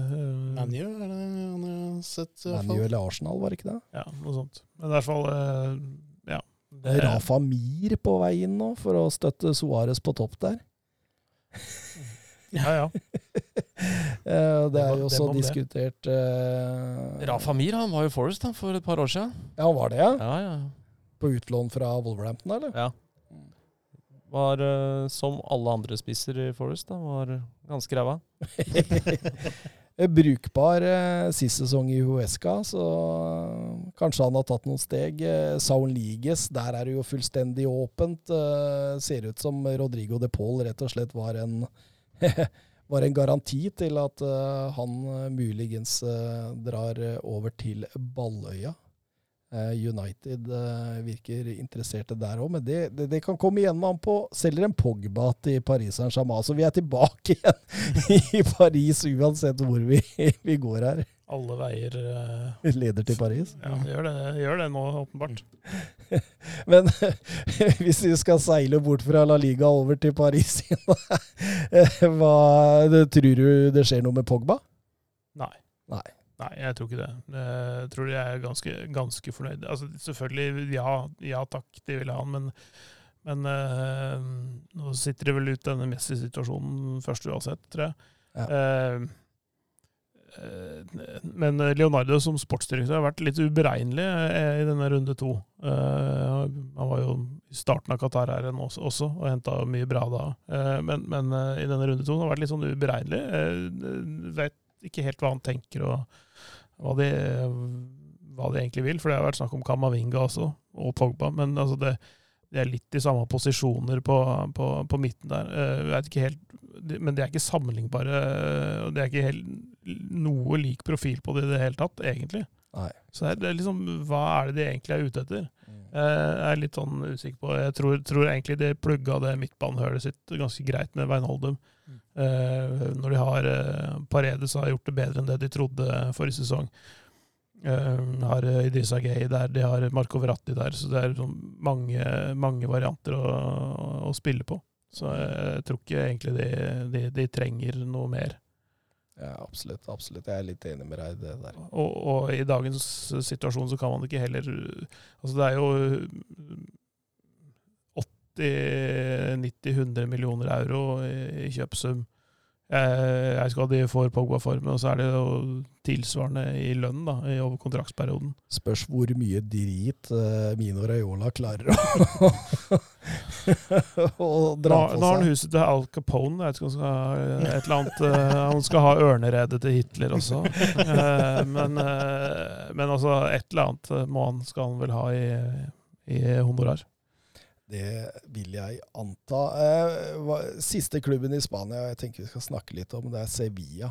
Der, har, eh, der er det jo dragkamp eh, om Huls Condé. Altså, Tottenham er enig med Sevilla om en overgangssum, men Huls Condé vil spille Champions League. Så han venter han. Han er, han er positiv til å kunne dra dit, men han har mest lyst til å spille Champions League. Chelsea er på ballen der. Men de er ikke enige om en overgangssum. De, eh, de vil sende Kurt Zuma andre veien, som, som, som, eh, Sevilla har sagt nei til. Vi vil ikke ha Kurt Zuma. Så, så der har det stått på stedet hvil i sju-åtte dager nå. var, var, Erik Lamela en del av den der Jules Condé? Nei, han var en del av Brian Gill. Ja, det var det. Mm. Så, uh, så Erik Lamela er i Sevilla nå? ikke sant? Han er bekrefta. Mm. Men kan jo sende Zuma til uh, Tottenham, da? Ja, så, så, løser man bare hele ja. jeg, jeg, tror ikke Zuma jeg, jeg, tror ikke Altså, eh, åpenbart har Nune Spirito Santo eh, lyst til å spille seg ut bakfra. Det er derfor han også henter Christian Romero og, og har lyst på Hols Condé. Og da, da, tror jeg Altså, spriket fra Hols Condé til Kurt Zuma når det kommer til å spille seg ut bakfra, det er ganske stort. Ja. Og i det hele tatt klare å treffe ballen. Ja, det er målet, liksom. Um, men uh, spennende med Sevilla og Lopetegi. Uh, altså, det er jo solid, det er jo sterkt. De har fått inn en keeper i Dimitrovic uh, nå som fra Eibar, som ja, Søren Døpker, store mm. favoritt. Mm.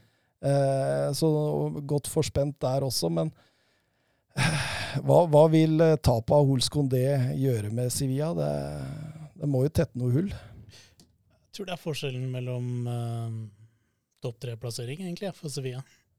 Ja, fordi at du, du, du mener at uh, hvis de hadde beholdt Hols Condé, eller klarer å erstatte den på en spesiell, eller på en tilstrekkelig måte, mm. så vil de kunne uh, ta opp kampen med, med Barcelona og Real? Eh, jeg tror de ville kunne ta opp kampen med Atletic og Real. Ja, Du tror eh, Barcelona seiler? Jeg tror Barcelona altså Jeg så noen bilder fra treninga i dag, og det mangla bare Celine Dion med 'My Heart Will Go On' på uttrykket til spillerne hans. Det, det, var, det var laber stemning og tar mye fokus, virker som, det Messi-greiene. Så jeg tror Barcelona fort kan havne i en sånn sesong de hadde i fjor, hvor det var mye opp og ned. da. Mm. Og da tror jeg de tre laga kvalitetsmessig det vil stå mellom i, i La Liga, er eh, Atletico Real og, og Sevilla. Og så avhenger det litt av hva som skjer med bl.a. Jules Condé. Vi satt her for to uker siden og utropte Barcelona til La Liga-favoritt. Så det så fort snurre. Og Så fort snurre. Men uh, hører at Aguero driver og sipper òg, Martin? Ja, det fikk jeg med meg, så det er jo Fantastisk, det. Messi stikker, og da rømmer han nå, som ikke får spille med Messi. Ut i ti uker, han. Skal det. Ja, selvfølgelig er han det. Ja, er ikke tilbake for det. Du trenger ikke å registrere den engang, for det er han uh, før, i, januarvinduet omtrent. Ja. Men, men, får de registrert Depay eh, nå? Jeg tror, eh, altså Han har jo spilt treningskamper, og sånt, men jeg vet ikke om de får registrert han for seriespill. Jeg, jeg tror de fortsatt må selge noe. Ja. Mm. Og, og, eh, det samme med Erik Garcia. Så, det, så de har en jobb å gjøre der. Jeg fikk et spørsmål av Ben Jarvson. Så, eh, hvordan gjør Betis det i La Liga og Europa League denne sesongen, lurer han på. Han er jo åpenbart eh, Real Betis-fan. Mm. Eh, Pellegrini slu rev, eh, henta Rui, Costa, nei, Rui Costa, sier Rui Silva, keeperen til Granada, som faktisk er en ganske habil eh, keeper, og, og får, da tetta det noe Hva kan jeg si? Litt sånn ustabile hølet etter Bono og Vaklik, som eh, hva, hva, tenker vi om eh, Betis er vel faktisk en av de klubbene som sliter litt med lønnstak. Og jeg er plutselig på Sevilla, men oh, ja. ja. Jeg, det var min, min feil. Så bare kjør på med Betis. ja. Nei, Betis er vel en av de klubbene som, som sliter litt med lønnstaket, har jeg skjønt. Mm. Um, føler at suksessen til Betis avhenger av uh, hvor motivert de klarer å holde Nabir Fekir.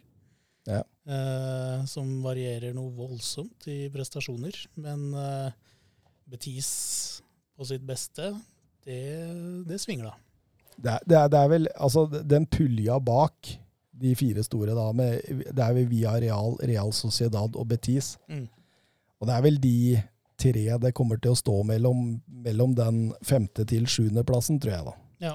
Så, for, så for, hvis du ikke vil ha Barcelona enda lenger ned Nei, nei, altså topp fire tror jeg de skal klare. Men et eller annet må du klare å få registrere kvalitet i den klubben.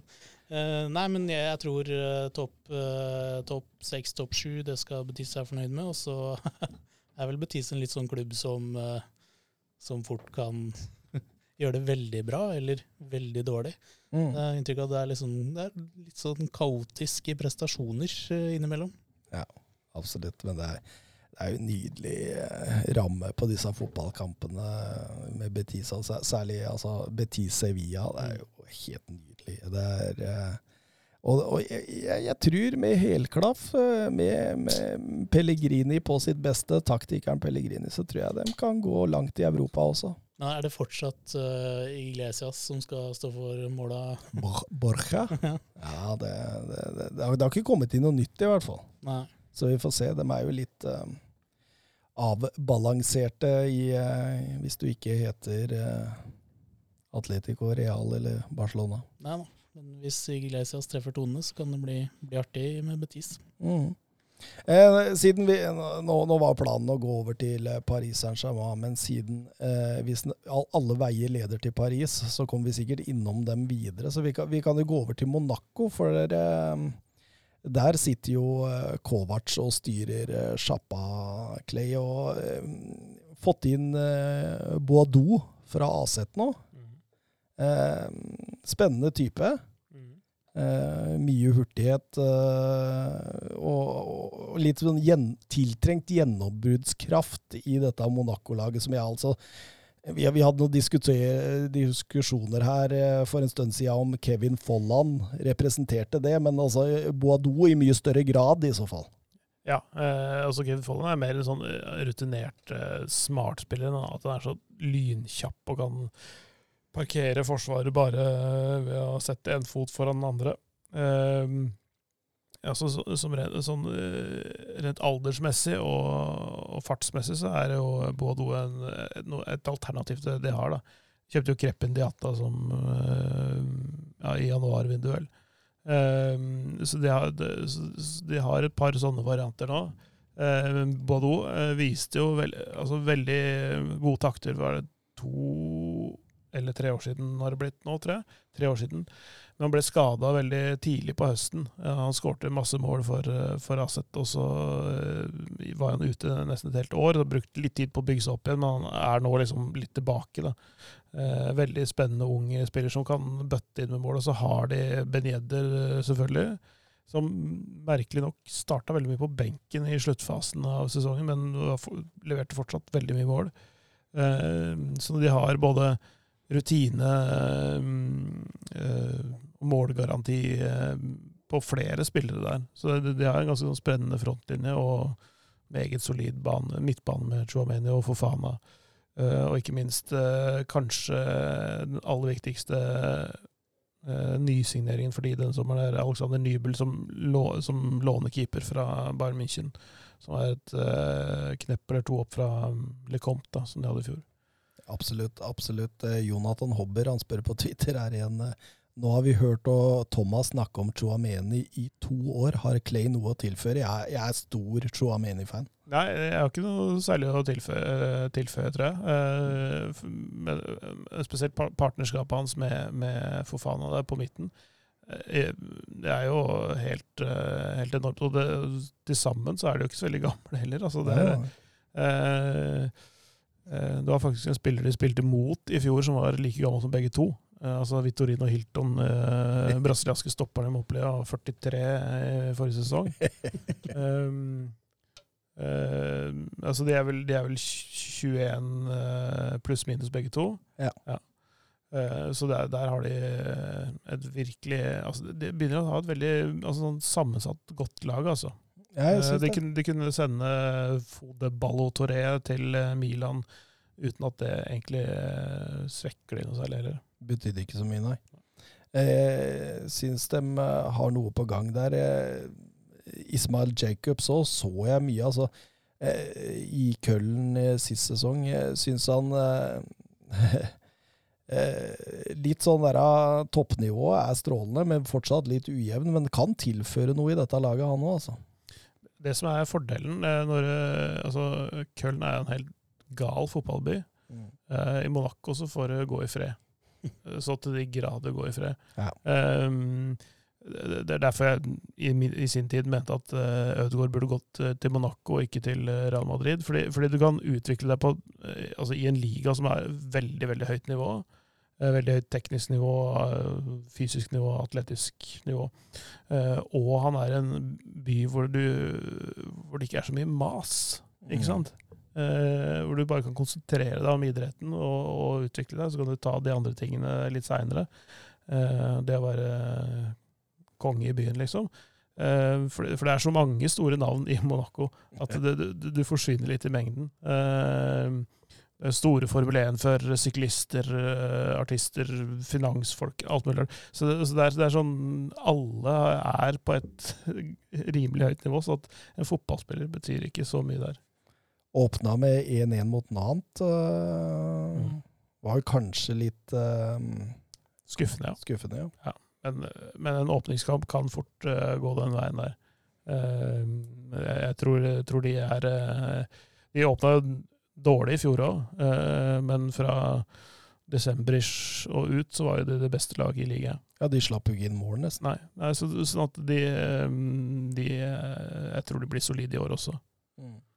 Ja, jeg utropte dem til det laget jeg tror kanskje følger Paris Saint-Germain lengst denne sesongen. eh, Forrige gang vi satt her, så eh, Hva tenker du om Kovac og, og Monaco? Er det hånd i hanske? Jeg tenker ikke veldig mye om det. altså. Jeg følger ikke så mye med på fransk fotball, for å være ærlig. Nei. Nei. Men du kjenner den igjen fra Bayern München? Ja da. Og det var vel han som fikk tuppen etter eh, de tapte mot Norge med Kroatia på Ullevål, var det ikke det? Det stemmer, det. Ja. Det stemmer det. Det var han som eh, røyk da. Eh, over til et lag jeg normalt sett ikke tar med, men eh, pga. Christophe Galtier så syns jeg vi må følge NIS litt grann også. Eh, har, har vært aktive på overgangsmarkedet. Ja da. Eh, aktivert kjøpsklausulen på Todibo, så det fikk han for en ganske billig penge. Er, altså Barcelona kommer så ræva dårlig ut av mange dealer nå at det, det, er, eh, det er nesten så man syns synd på de.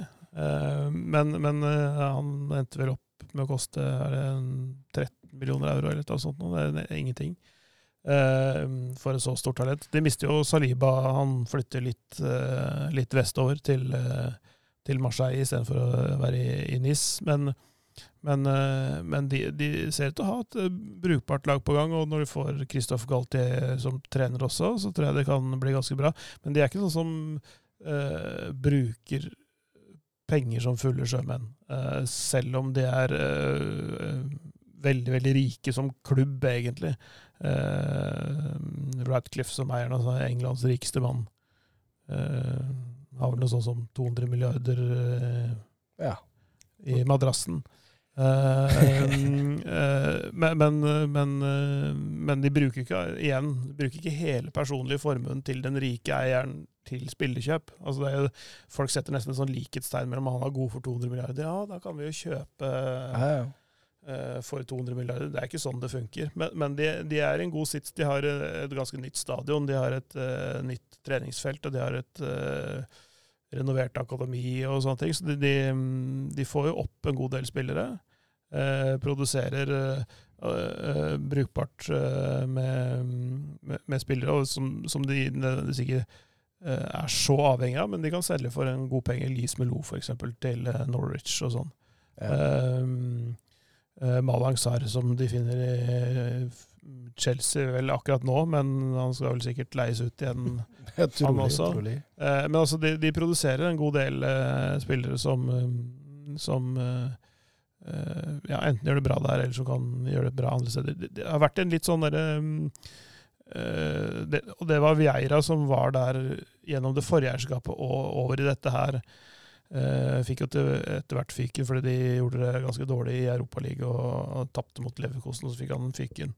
Um, uh, han har- var der en veldig vanskelig periode. Vera tror jeg er spennende som trener. Um, Snakka om han i, uh, i Crystal Palace-episoden til TV2s Premier League-podkast. Mm. Um, men var gjennom et sånn amerikansk-kinesisk konsortium som eide det det første året han var trener. Så kom uh, Inios, de som er sykkellag og, og sånn, og Ratcliffe da, inn uh, sommeren for to år siden.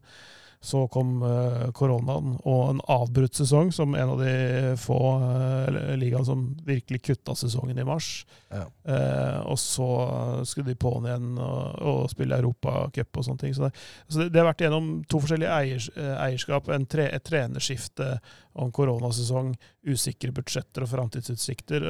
Sånn at, det, sånn at det å bygge klubben i den der Injos-æraen, hvis du kan kalle det det, mm. det, har, det, har, ikke vært eh, helt lett. Og det drøyde jo ganske lenge før også Galtier ble klar for klubben. Så det, det å legge en ny sportslig strategi og, og sånne ting, det, det har um, tatt litt tid. Derfor mm. har spillekjøpene hengt litt etter også. Men de har fått sikra seg Calvin Stengs fra Aset. Ja. Det er jo ja. en meget spennende type. Ja absolutt uh, ung spiller, det også. Offensiv. Uh, uh, leverer ikke så mye mål som det han kanskje eller målpoeng som det han burde, men, men en, absolutt en spennende spiller som kan utvikle seg der nede. Og Justin Cloyfert har kommet mm. på lån. Kjetil. Klubbnummer da, begynner å bli. ja, begynner å få en del, en del kamper under beltet for diverse klubber allerede, ja. Mm. Men hvordan er det med NIS? Bare tenk på um for liksom en litt sånn uh, halvtraust nordmann, så tenker man på det som en by hvor, hvor norske par drar for å på Langviken for å få kickstarta forholdet igjen. Hvordan, hvordan, er fotballkulturen i, i NIS? Den, øh, altså den, den øh, svinger jo litt med prestasjonene der som alle andre steder, men, men, de har en veldig god, hard kjerne der med ganske ikke ganske, men veldig dedikerte supportere. Uh, og, og uh, Nis Monaco-oppgjørene, Côte d'Azur-derby som de kaller det, er, eh, det er veldig det er heftige saker. Uh, det er bare en halvtimes kjøretur fra midt av, midten av Nis til midt av Monaco. Du, skal du til Monaco, så flyr du til Nis. Så uh, og de kondisjonerte tar helikopter fra flyplassen og inn til, uh, inn til uh, yachten sin som ligger i uh, havna utafor Monte Carlo der. Men, men, men Så det, er veldig tett på. Men det er ganske markant forskjell i fotballkultur. da, For det fins jo ikke noe arbeiderklasse i Monaco, men det fins masse av det i, NIS. Som er en stor, stor by. dedikerte supportere. Men veldig behagelig sted å tjene til livets opphold, tror jeg. Det, Kasper Dolberg koser seg nok. Ja. Selv om han har en lagkamerat som bøffer en klokke 700 000. Uh, nei da, han har nok uh, Han fikk jo klokka tilbake. Ja, heldigvis. men, men, jeg tenker jo han kan, han kan, bli bra, for han litt, hadde litt skadeproblemer og, og sånne ting. Så, så han, han, tror jeg kan bli veldig bra. Han og Amin Goiri på topp. Uh, Eh, det, det, kan bli ganske heftig, det. altså. Han, han viste periodevis sesongen som var, at han virkelig jeg var litt tilbake til den 2017-dytten som han var i når de var i Europaligafinalen og, ja. og, og, sånn, med, med, Ajax. da. Uh, så det der lekre touchet, du så det tidvis også i EM. Uh, at han er, er, der og begynner å få den selvtilliten tilbake som han trenger for å levere varene. Så det, um, det er mange spennende lag. Jeg, det, jeg har seks lag jeg, som liksom, jeg mener kan kjempe om topp tre. Og det der toppstriden kan bli veldig interessant. Det blir mange kule kamper i ligasesongen som kommer. Ja, Ja, er helt enig med deg. Det, det er vel eh, eh, Det var vel kanskje den ligaen jeg fant flest lag jeg hadde lyst til å snakke om i dag. Mm. Så, så, så, det sier jo litt om bredden i det. det. det. neste laget, det er jo Lyon, selvfølgelig. Man må jo ha det med. Men jeg, jeg syns jo Peter Bosch har fått en litt sånn eh, vanskelig inngang på transfermarkedet i år. Og det, det har ikke glidd så veldig bra. Nei, eh, og han sa det sjøl nå nettopp, at uh, de trenger egentlig en uh, kvalitets... Altså, de trenger kvaliteten som skal til for å spille den fotballen han ønsker. Og det er jo en sånn eh, litt sånn skjult måte å si at de jeg har, er ikke bra nok. Ja. Uh, uh, det kan man jo si hva man vil om det, men, men, de, men de, de, har egentlig ganske bra lag. Men, og de har kvitta seg med litt daukjøtt. De har solgt noen de kanskje ikke burde solgt. Altså Melvin Bard til NIS, som, nettopp, som er egentlig et en ung, eh, mer enn habil back. De mista Depay åpenbart, eh, fått Moussa Dembélé tilbake. Um, eh, gjort eh, Dubois til kaptein, Dembélé til andrekaptein og Awar til tredjekaptein.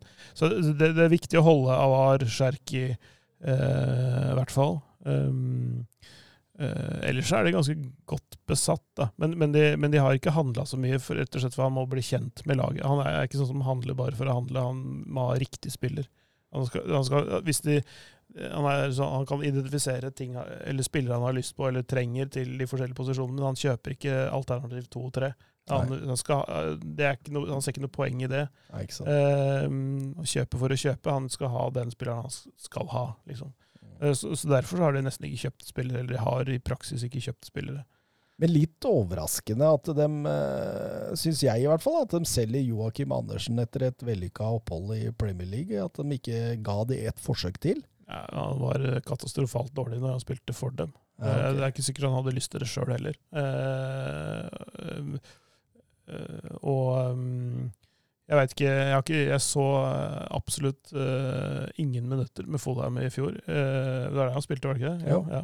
Uh, og, og, jeg um, Ja, for det er bare jeg, strålende. Ja, men jeg veit ikke hvordan han er i sånn frispillingsfase. og sånt, altså Peter Boss er jo en, en nederlender så god som noen, ikke sant? Mm. Og, og, vil ha et ballspillende lag. Jeg vet ikke hvor god Joakim Andersen var der. Nei, altså, han, han, er jo ikke den typiske stopper du henter hvis du skal spille ut bakfra. Men han, var, altså, han, han er litt sånn uh, Han er litt uh, delikt uten den, uh, den frispillingsfoten, da. Mm. Ja, men da, da, mangler du ganske mye for å spille Peter Boss-fotball. Ja. så derfor Da var det Da kapitaliserte de på det. For at det, det er det er ganske lett å få tak i en type som Joakim Andersen, eh, men med et annet navn, da, eh, til en eh, grei penge. Nå hadde han gjort det bra i England, da kan du få en god pris for den, og så, og så lar, de det, lar, de han gå. De har uh, brukbare alternativer. Uh, en spennende ungstopper i Sinali Diamond D, som, uh, som bør få mer spilletid, syns jeg, da. Jeg så de hadde henta opp eh, en eh, Castello Luqueba òg, som, ja. eh, som, spilte fra starta i, I, går, ja. i går mot Brest. Ja. Mm. Eh, vi må bare eh, nevne en, Hvis vi snakker om under radaren-overganger mm. Elbasan Rashani til eh, Clermont. det, er, det, er, under radaren-overgang. Jeg bare sånn Jeg meldte med en kompis av han. Og jeg visste ikke han hadde havna der. Og så, så, sånn, men jeg eh, hva tror du om den klubben og sånne ting. Så måtte jeg liksom finne litt ut om Clermont. Da. Men eh, det er, De har rykka opp for første gang. og sånn. Men de vant jo i går borte 2-0. Og Elbasan Rashani kom inn i det 78. minutt.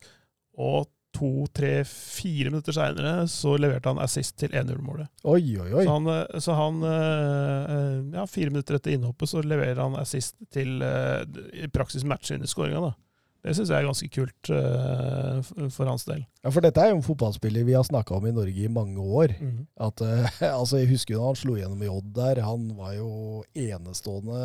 Det var, var det der europaeventyret til Odd for noen år siden? Mot Dortmund. Og, Mot Dortmund og sånt, ja. ja. Så han var innom Rosenborg en liten periode? Ja, på lån. Var, var det lån? Ja, det var ikke. Og, så ja, det var, ja, og, så, og det Tyrkia-eventyret hans var litt så som så. Men, men, dette her er jo morsomt. Det er, det er en kul overgang. da. Det er, sånn der, det er en bitte liten klubb egentlig, sånn i fransk sammenheng. Som sagt spiller på øverste nivå for første gang. En stadion som tar en 12 000-13 000, og så er det sånn, med sånne gressbakker i hvert hjørne og sånn på stadion. Så det er sånn, det er, det er sånn Eh, det er et Sogndal med sjarm, holdt jeg på å si. Altså det er litt, det er litt, litt mer sjarm enn eh, Fosshagane campus. Det må du være veldig forsiktig her. nei, nei, nei. Mange lyttere fra Sogndal. Nei, har vi det, ja? ja, ja. Sogndal er et fantastisk sted, og de har bra, en bra klubb og bra lag, og sånne ting, men selve Fosshagene campus som arkitektonisk mesterverk, det er ikke. altså. Og det, det har ikke så veldig mye sjarm heller.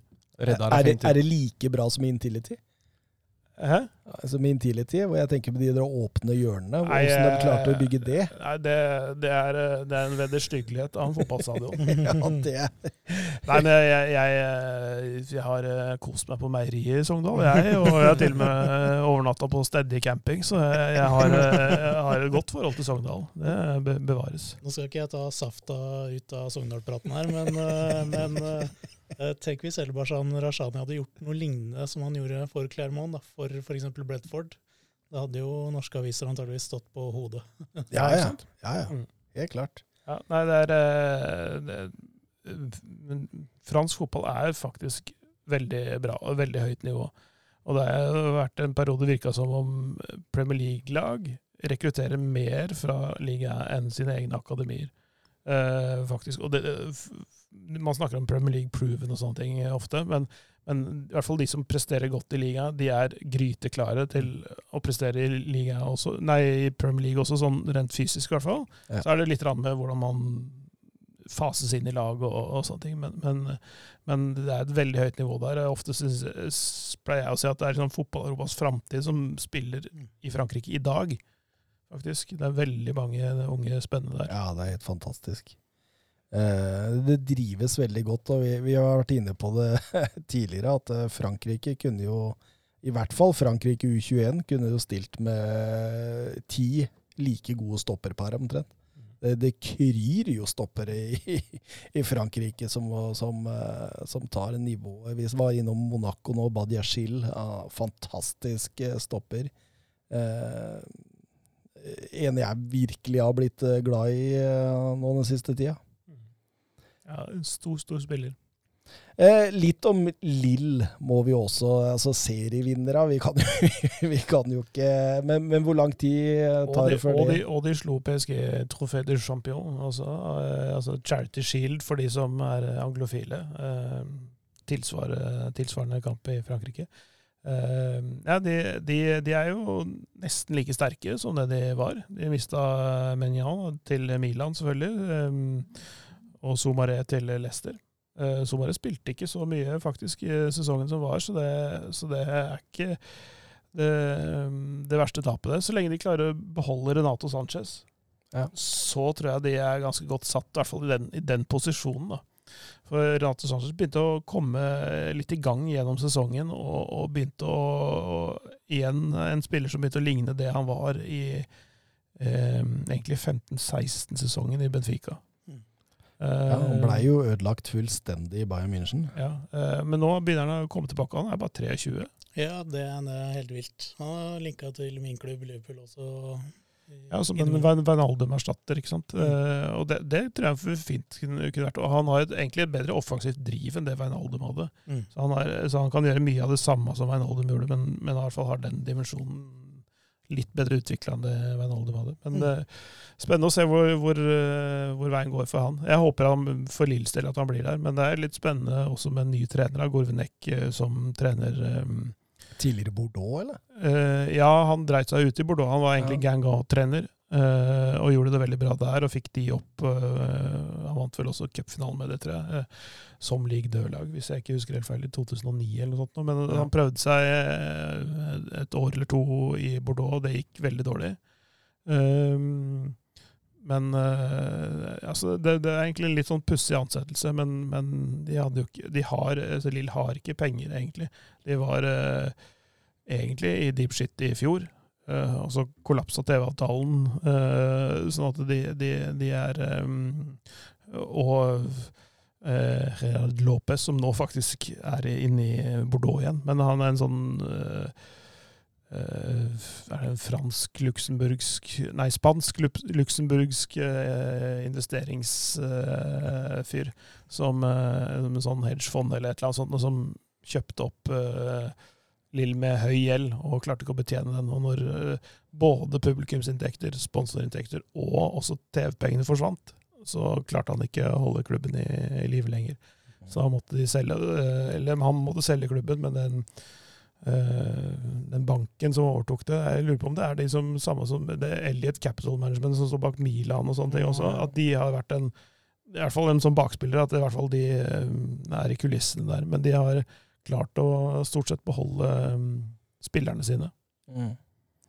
Absolutt. Eh, og selv om Borak Ilmas er ønsket i NIS hos Galtier, så skal han bli i Lille, sier han sjøl i hvert fall. Ja. Mm. Så Ja, jeg ser, det.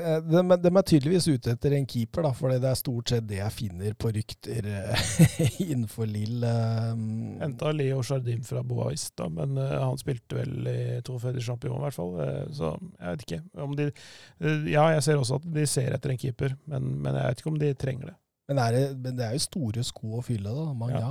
Ja, jo- ja, ja. Men han holdt nullen 21 kamper i fjor. Var nesten sånn tangerte rekorden på 22, inntil han slapp inn mål tre minutter på overtid i siste serierunde. Hvem er det som har rekorden? Eh, Ettori, tror jeg, sånn, eh, fra 80-tallet, 70-80-tallet. Såpass.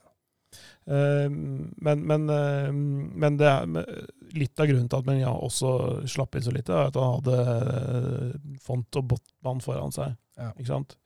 Eh, eh, sånn at de, de slapp, slapp til veldig få sjanser også. Han tok ikke det som kom, men eh, ja. Men Så- men Botman blir det. ja, han er i hvert fall ikke henta ut derfra ennå. Han skårte han i helga, gjorde han ikke det? Ja, det husker jeg ikke hvem som skårte. Jeg Jeg trodde det kanskje var eh, Borak Ilmaz som skårte i hvert fall det siste målet. Han redda vel eh, godt på overtid, redda Ja. vel poenget der.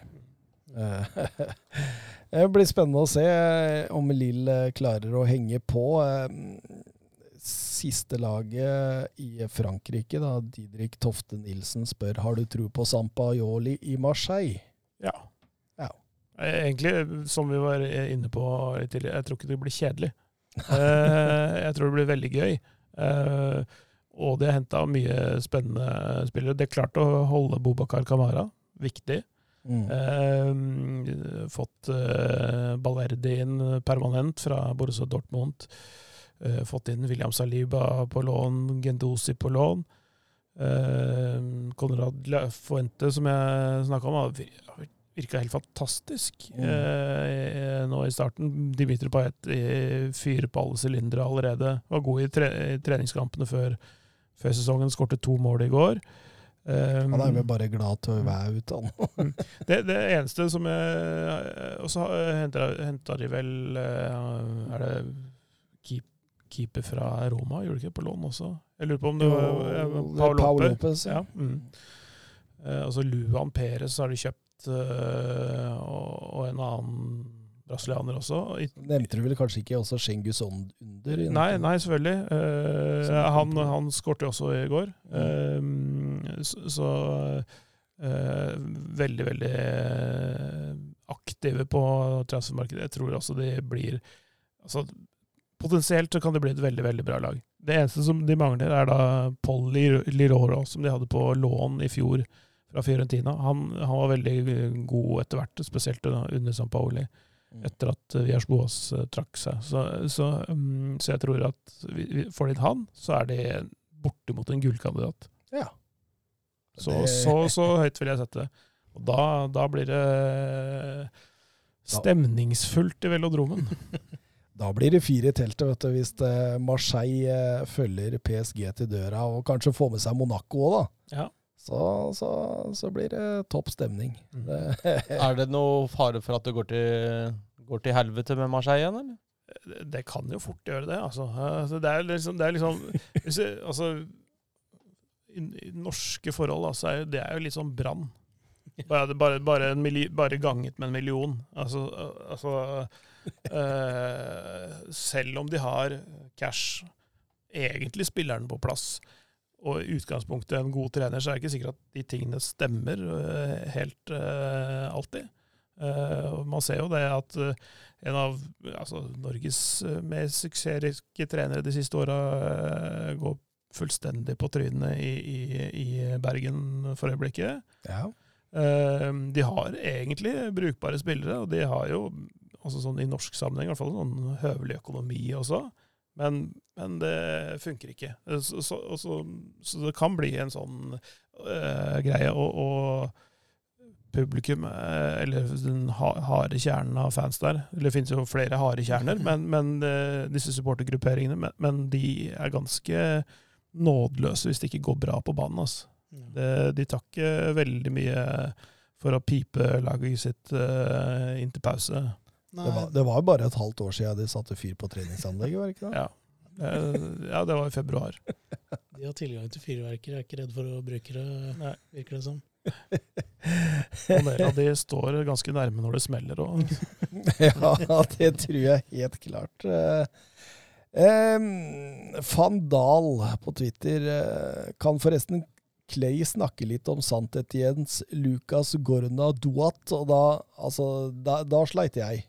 ja, eh, jeg vet ikke om han har blitt 18 år eh, nå, men eh, han var i hvert fall 17 sesongen når jeg så han, i hvert fall. 2003-modell.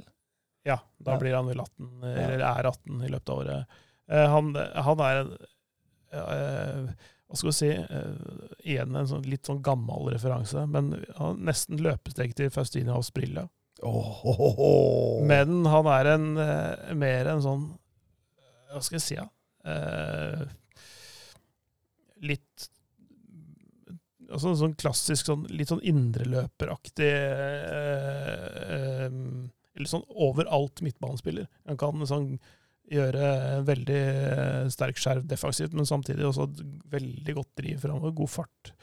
eh, Høyde og styrke, eh, og blir jo bare sterkere. Altså han har sett litt sped ut, kanskje, som 17-åring, men det er sånn, sånn, sånn klassisk som om, om tre år så er han ikke til å kjenne igjen, ikke sant? for det, da har du lagt på deg litt og vært i vektrommet i noen timer og sånn. Men han, han, han har jeg store forhåpninger til. Han, Jeg var sånn der, wow, da jeg så han første gang. Da var han kom innpå og var 17 år, og liksom bare Han her står ikke tilbake for noen. Nei, altså jeg, altså jeg følger godt med på fotball, altså, men jeg måtte begynne å google og lese meg opp på det der. Og Mm. det, det ser jo unektelig bra ut. Jeg sa jo til deg var det før sending at han- for meg så minner han meg litt om en sånn uh, Tangai Ndombele. Ja, ja. Altså li, litt sånn eh, Litt sterk i kroppen. Litt sånn, Virka litt sånn litt udefinert ennå. Mm. Litt sånn, Det er kanskje Ja. derfor du mener med overalt-spiller. Ja, ja, men, men så han, han, har, eh, han har ikke en sånn Han har ikke sånn staket helt ut kursen for han, hva slags spiller han skal bli helt ennå heller. Han kan bli en superdefensiv uh, midtbanespiller. Han kan bli en som driver litt mer framover. Uh, kanskje ikke den aller største playmakeren som sådan, men, men hvis du tenker litt En liten Dash Pogba, litt en Dombele, litt sånn litt, litt i det landskapet der, da. Eh, Så han, eh, han gleder jeg meg til å se utviklinga til. Fikk litt sånn Yaya Ja, vi- Touré-referanser når, du- ja. når du beskrev den der. tidlige Ja. tidlig Yaya Toré, Sånn Olympiakos-Yaya Toré. Ja, Ja, altså, eller- egentlig City Yaya Toré òg. ja, altså fotballklubben eh, med Aune og Skau, det hadde en sånn jeg, jeg tror det var de som hadde det. Eh, altså Hvis de skulle plukka ut én spiller eh, som du kunne klone elleve ganger og hatt sånn dekka, altså, ha i alle posisjoner på hele banen Hvis du skulle velge én spiller som ville vært sånn høvelig god i, til alt, så ville det vært Yaya Toré. ikke sant? Ja. Han kunne vært spiss, han kunne vært sentral midt, han kunne vært wing, stopper, back og keeper. ikke sant? ja. Uh, altså, hvis du, du finner nesten ikke en, en, en spiller som kunne liksom kledd alle rollene på samme måte som det han kunne gjort. Ja. Nei, det Jeg tror et lag med elleve stykk, Yaya Toré prime eh, selvfølgelig, da, eh, ville slått nesten alle andre lag. Han ville grusa elleve Messer, ikke sant? Ja, han ville jo det. Han ville jo det. Eller et lag av Carragers, som sesongen. Ja. Hørtes vondt ut. Nå går jeg. Du ville heller hatt laget med Ian Wone. Elleve Stuart Pearce. Ja, det har vært, eh, det har vært vakkert. Ja, det, det, det syns jeg sjøl, da. Hvis jeg, hvis jeg hadde vært en toppspiller, så ville jeg vært en Stuart Pearce. Definitivt. Altså, Ja. altså det, det- ikke, jeg, ikke at jeg vil være det, men jeg, jeg ville vært det. Altså, sånn, eh, ja. det, er sånn, det, er så, det er den jeg ligna mest på av å spille. Hvis jeg skulle projisert meg sjøl opp på toppnivå, så ville det vært der. Ja, jeg, jeg, jeg er ikke så langt unna, sånn i hvert fall sånn øh, fysisk og mentalt. øh, for jeg hadde vel vært en Roy Keane, hadde jeg slått igjennom. Det er ikke så langt unna. Et lag med oss hadde blitt vondt å møte. jeg tror kanskje det. Høres voldsomt ut. Roy Keane og uh, Stuart Pearce på samme lag. Dra med Winnie Jones på midten og Duncan Ferguson på topp, så, så skal du få det vondt. Litt glefsende Dennis Wise, og så har de det. Herlig. Eh, Bayern München, eh, Nagelsmann, har jo eh, godt eh, tatt over jobben til Hansi Flick.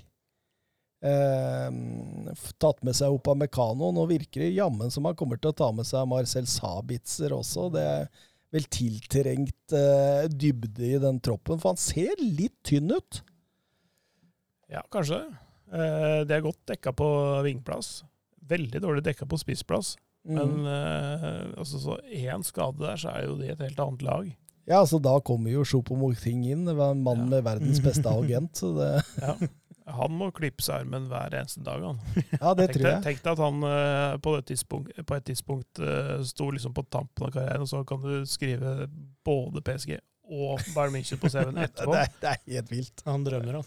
Etter Stoke. Mm. Eh, Det er nesten som Thomas Gravesen i Real Madrid. Ja, den er, den er så fin. Litt Martin Braithwaite i Barcelona. Ja, ja. Er sånn, Ja, ja. Nei, men eh,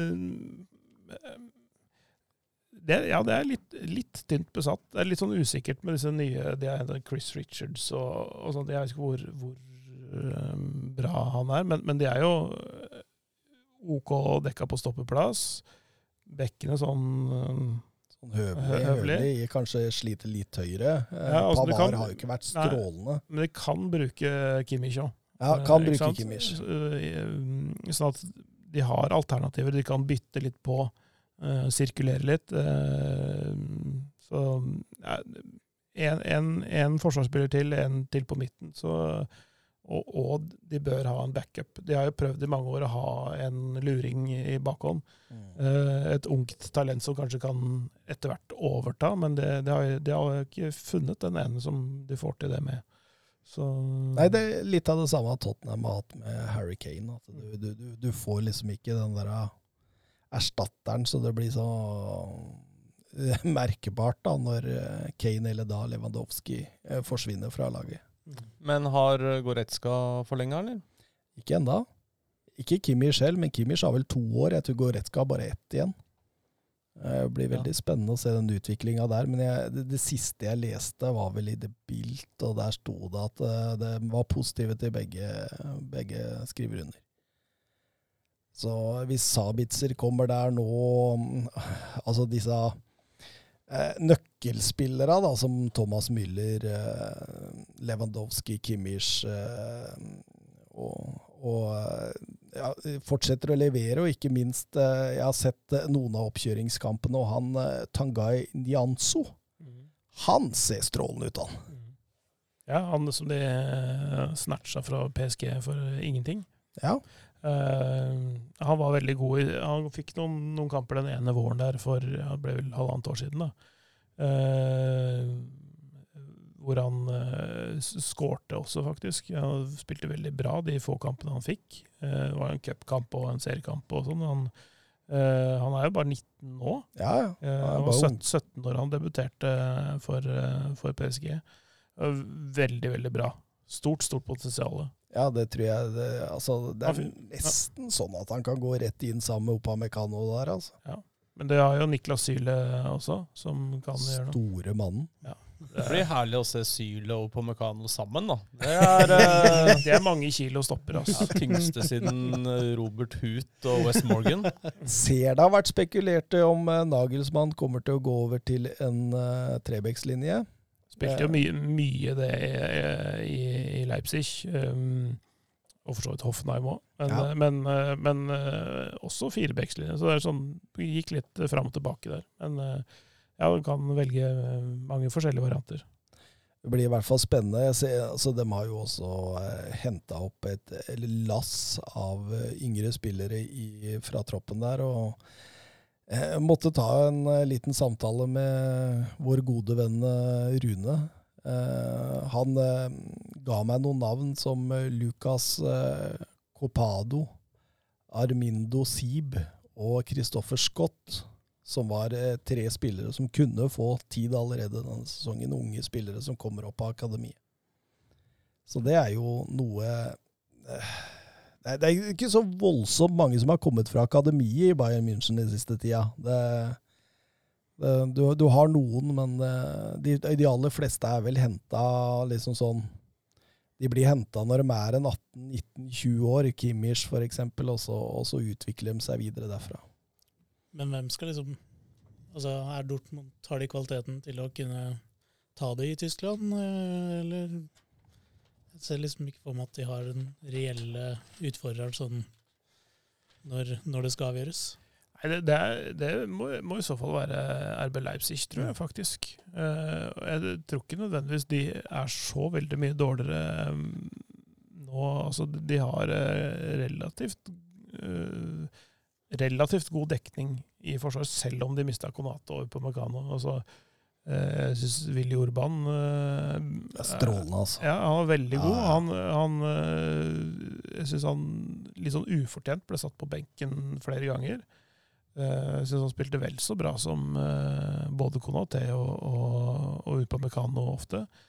Eh, Gode backer. Der kan du også veksle mellom tre og fire bak. Halstenberg, Klostermann eh, eh, Og så har du kan jo bruke noen av disse Amadou Haidara og sånn. Og så ble også brukt som høyreback enkelte enkelte ganger. Mukiele ble brukt Ja. en del, og Tyler Adams. Og. Ja, ikke sant? Så de, de skifter rundt i posisjonene, og de, men, men hvis de mister Sabitzer, Mm. Ja. det er jo en svekkelse, da. Ja. En voldsom svekkelse, egentlig. Han Eh. nekter å skrive under den kontrakta, da. Så Ja. Så vi får, vi får se. Men, eh, men, men, det, hvis det skal være et jevnt race, så må i hvert fall Sabitzer bli i Leipzig. Hvis, hvis de henter han og tar liksom nesten hjertet ut av laget, eh, for det, det, det, er- det er der- der det skjer, eh, liksom. Altså den kreative sentralen, på en måte. Mm. Um, så kan de ha så mye André Silva de vil på topp, men, men da har de ikke kjangs. Nei, absolutt. Eh, Jeg gleder meg veldig til å se Sima Khan fra Strasbourg. eh. Han som spilte sammen med Orban i midtforsvaret, tror jeg, i går. Ja, det var st ja, i stemmer. DFB, Ste- Stemmer. DFB-pokalet. De får, får vel uh, Sobaslai uh, Shob, Sobaslai Ja, vi fikk et spørsmål om det fra Glenn Weber. Han er RB Leipzig-fan, veit jeg. Hva tror dere om Saboslai? Denne sesongen blir jo som en nysignering. Herlig podkast, sier han. eh. Enig i det siste, eh, i hvert fall. ja, Eh, det, men, nei, men eh, jo, det, det er det. Han er jo veldig god eh, ja, var, var, var, det, var det lenge, egentlig, i Salzburg. Men, eh, så det, det kan bli veldig gøy. Altså, han, han uh, assisterte Haaland uh, nydelig i Salzburg. Han sendte vel omtrent alene Ungarn til EM. Ja, han har jo et skuddbein som eh, verden knapt nok har sett. Den slegga der som eh, kan hamre inn mål fra 25-30 der. Så det er enormt. 20 år, er det det han er? Ja, det er ikke noe særlig mer. 21, tror jeg. Mm. Nei, så det blir eh, meget, meget spennende. Mm. En nydelig spiller, for all del. Og, og Guardiol, eh, bra kjøp. Brobby, jeg vet, jeg har ikke sett så mye av han i Nederland. Jeg. Kraftpakke. eh, sånn, sånn, eh, han så ut som en eh, Jimmy Floyd Hasselbank da han var 16. Eh, men, eh, men, eh, men litt mer sofistikert, kanskje, faktisk. Mm. Uh, veldig synd at Ajax måtte gi slipp på han. At han ikke var mer tålmodig enn han var, men du kan jo gjette hvem som er agenten hans. Mino Raiola. Ja. uh, ikke sant? Skal uh, jakte nye ja, jaktmarker, holdt jeg på å si. Ja. Eh, for enhver pris hele tiden. Uh, Mino Raiola tjener for lite, så når han bare får en cut av lønna deres, så han skal ha overganger, for da får han honorarer, og det tjener han mye mer på. Mm. Han er, in, han er interessert i å få det til å sirkulere, de spillerne sine. Mm. Og det er noe dritt, spesielt når han, når han klarer å snakke 16-17-18-åringer rundt og, og nappe det ut av klubbene sine altfor tidlig. Ja, ja. Ja, Han har jo fått de feite fingra sine rundt Haaland også. Mm. Så det er vel bare et tidsspørsmål for han tar kvelden i, i, i Dortmund og finner på noe annet. Ja, altså han, han vil vel at uh, prisen på Haaland skal gå ned, hvis det stemmer disse eh, rapportene om, uh, om uh, en lavere pris enn markedspris neste sommer. Det åpner jo opp for at Raula får en større andel, da. Det gjør jo det. det gjør jo det. Da ligger vel klubber som Manchester City, Chelsea og Real Madrid og Barcelona langflate, tenker jeg. Bayern òg, Eller hva? hva? Ja, Salja Salih prøvde prøvde å snakke om han eh, tidligere i dag, men det Virka ikke overbevisende. Nei, jeg veit ikke. Men eh, Jeg tror Lewandowski har to eller tre år til. Mm. Og det, du kan ikke, Haaland skal ikke spille andrefiolin noe sted hvor han drar.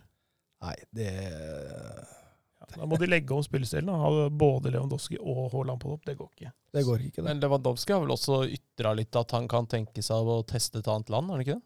Det kan godt hende, men ikke, i hvert fall ikke denne sesongen. Og Nei. ja, kanskje Ja, jeg vet ikke. Ja, Chelsea prøvde å litt sånn altså, du, du skjønte at plan A i Chelsea var Haaland. Og så gikk de til eh, B og C, som er eh, Lewandowski og Lukaku. Det ser ut som de drar inn siste, land, siste navn. Ehm, Dortmund og Marco Rose henta inn Malen fra, fra PSV der for 30. Kobel har kommet inn en eh, meget bra sveitsisk ung keeper, som jeg var litt overraska over at man ikke så i EM-troppen til Sveits, med tanke på de, de andre som var der etter Jan Sommer. Men eh, eh, og så har de vært og, og snatcha litt fra PSG også, et par unggutter der.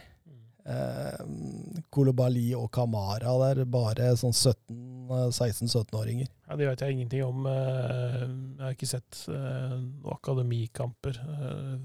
Det får være måte på. Uh, Hvor mye jeg skal følge med på. Uh, Jeg har eh, fem andre ligaer jeg har fulgt med på. Så jeg så å begynne å følge liksom ned i aldersklassene i spesifikke klubber, det blir litt mye. Men jeg, har- jeg har fått rapporter skjønner du, fra Ja. folk som har sett dem, på at Mm. det der, der skal være to ganske store talenter som Paris Saint-Germain er veldig De er litt triste for å miste dem, rett og slett. Ja.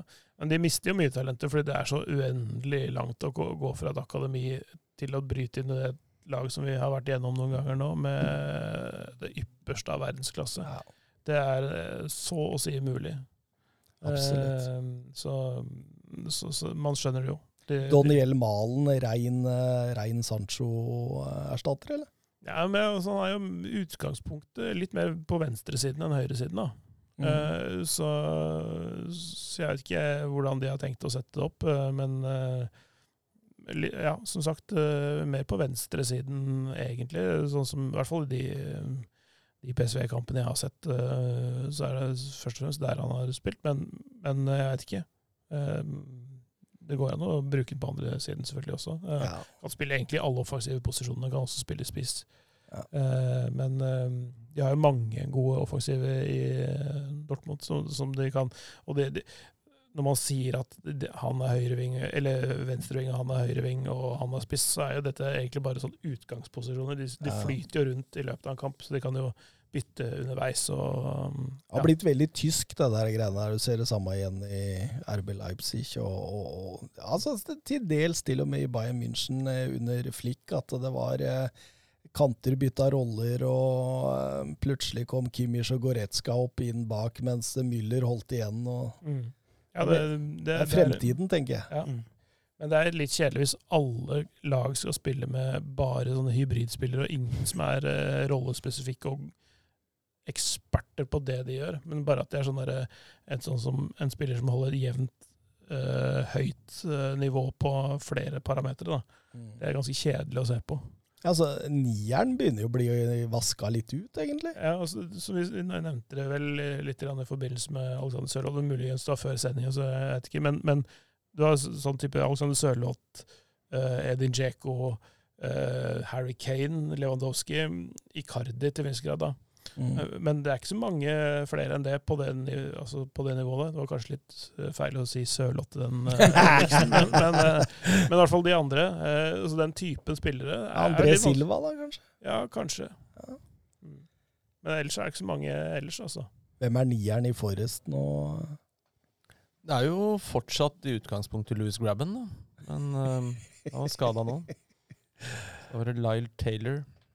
Det er hardt å være Var det på Skjetten kunstgress når de spilte treningskamp eh, mot Skjetten i var det 95 eller noe?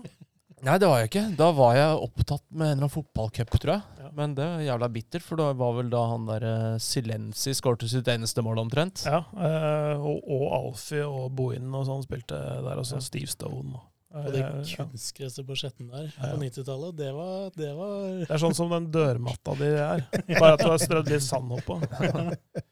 Det- Der har jeg løpt meg noen kramper, faktisk. Nei, det, det var tider. Det var deilig. Det er deilig. Forrest-laget Men Hvorfor blei du Forrest-fan, egentlig? Det var jo det derre 90-tallslaget der, da. Med, Der, ja. ja, jeg var jo forholdsvis gammel, eller 12-13 ish, da. Eh, Så det var jo liksom gjennomtenkt, og orka ikke Manchester United og alle det Liverpool og Det er alt det der. Eh, Så var det jo et kult lag, da, ikke sant? med Stuart Pearce og Steve Stone, Stan Collymore, Lars Bohin. Er deilig. deilig. Alfie Haaland òg, eller? Ja, han kom jo inn, han òg. Men i retrospekt så er det jo Kunne jeg jo valgt bedre, da. Følte du gikk oppover eller nedover når eh, Gjelde og Stensås kom, kom inn? Nei, det, det gikk jo nedover. Eh, det har jo stort sett bare gått nedover, da. Etter at- Etter ha klaff seg, eller? ja, fra Ja, egentlig før det òg, da. Ja, ikke sant. Ja ja. Nei, vi er over i Manchester City-land. Jack Grealish blei eh, klar. 1,2 milliarder, sier de at den kosta. Er, er den verdt det, eller? Nei. Men, eh, men eh, det er det det koster når du skal kjøpe en engelsk spiller til et engelsk lag. Mm. Det er rett og slett For det er jo, det er jo sånn De kunne kjøpt en tilsvarende bra spiller til en mindre pris, tror jeg. Eh, bare at han hadde ikke hatt eh, engelsk pass. Og det er jo nå litt med eh, ja, andelen i hjemme, hjemmespillere og, kontra utlendinger og sånne ting. Derfor så blir det også eh, dyrere av den grunn. Ja, Jørgen, spør, Jørgen på Twitter han spør eh, var Jack Grealish til 1,2 strengt tatt nødvendig. Burde man ikke heller si, si satset pengene på en nummer ni eller en venstreback? Og det er, jo, det, er, det er jo noen hull å tette for Guardiola. og nå når, altså, altså Åpenbart så er jo Guardiola i samme situasjon som Paris Saint-Germain. Altså Det er jo Champions League han skal vinne nå. Ja, var ganske nære òg, vil jeg påstå. Det er ganske... Eh, men det var også PSG året før. Eh, så, så ja, det, er- det, er det, det er jo det som gjenstår å vinne, da. Ja. Det er jo den tittelen de mangler. Og det heftes litt ved han, siden Mm. han ikke har gjort det siden de to han hadde i Barcelona ganske tidlig i karrieren. Mm. Han skulle jo vinne Champions League med Bayern München også, det gikk jo ikke. Så, så, så det er litt overraskende at han fortsatt sitter i City, egentlig. Han har jo tidligere uttalt at eh, sånn tre-fire sesonger, det er maks av hva man kan sitte som manager for et lag. Og nå går han vel på Er det femte sesongen nå? Eller er det Ja. sjette? Femte, vel. Femte, ja. Men altså, hvis du skal vinne Champions League, da, um, og du har 1,2 milliarder å bruke, er det Jack Grealish som vinner den tittelen for deg? Nei, det er jo Harry Kane som vil gjøre det. Og det er jo den store elefanten i rommet også. Får de tak i Harry Kane? For hvis, Ja. han gjør, hvis de gjør det, så er de jo favoritter der oppe sammen med Paris Saint-Germain. De, de har veldig mange servitører og tilretteleggere, men liksom, de har liksom ikke en som øh, Eller en, egentlig, de har veldig mange kokker, men de har ingen, ingen som kan sette maten på bordet. De, har, de mangler liksom den siste tingen, øh, linken mellom kjøkkenet og bordet. da. Ja. S- sånn at eh, Ja, det er det der med å få noen til å skåre mål, rett og slett. Tilstrekkelig mange mål. Ja. Så du Tror dere Harry Kane kan være løsningen? Ja, absolutt. Men jeg tenker også at Grealish De er kanskje villige til å betale en del mer for den, pga. den publisiteten han gir. Og han er jo en av de skal si, få som er litt Det er, det er en av pop- mine favoritter. popstjerne i tillegg til uh, fotballspiller, da. Det er eh, ja, ganske lenge siden England har hatt noen sånne, etter, eh, etter Beckham. ja det, det er jo lite Beckham-skoveren. Altså, du har den der lave sokkehøyden og de små, små leggbeskytterne leggbeskyttere og håret og uh, nummer ti og kaptein og men, men, men jeg tenker jo I Aston Villa så var det jo Det var jo Grealish alle så til. Nå blir han jo en av mange. Han må utnytte de på en måte de gangene han har ballen. Eh, I mye større grad hver eneste gang. Da. Altså, han, han kunne jo drible seg bort i Villa og én, to, tre, fire, fem ganger, og så satt han på den sjette, og så sa, peisa han ballen opp i krysset etter å ha dratt av en to-tre spillere. ikke sant? Eh, han vil jo ikke få så mange sjanser til å gjøre det i Manchester City, vil jeg tro, for det er mange andre som kommer til å ta del av den kaka.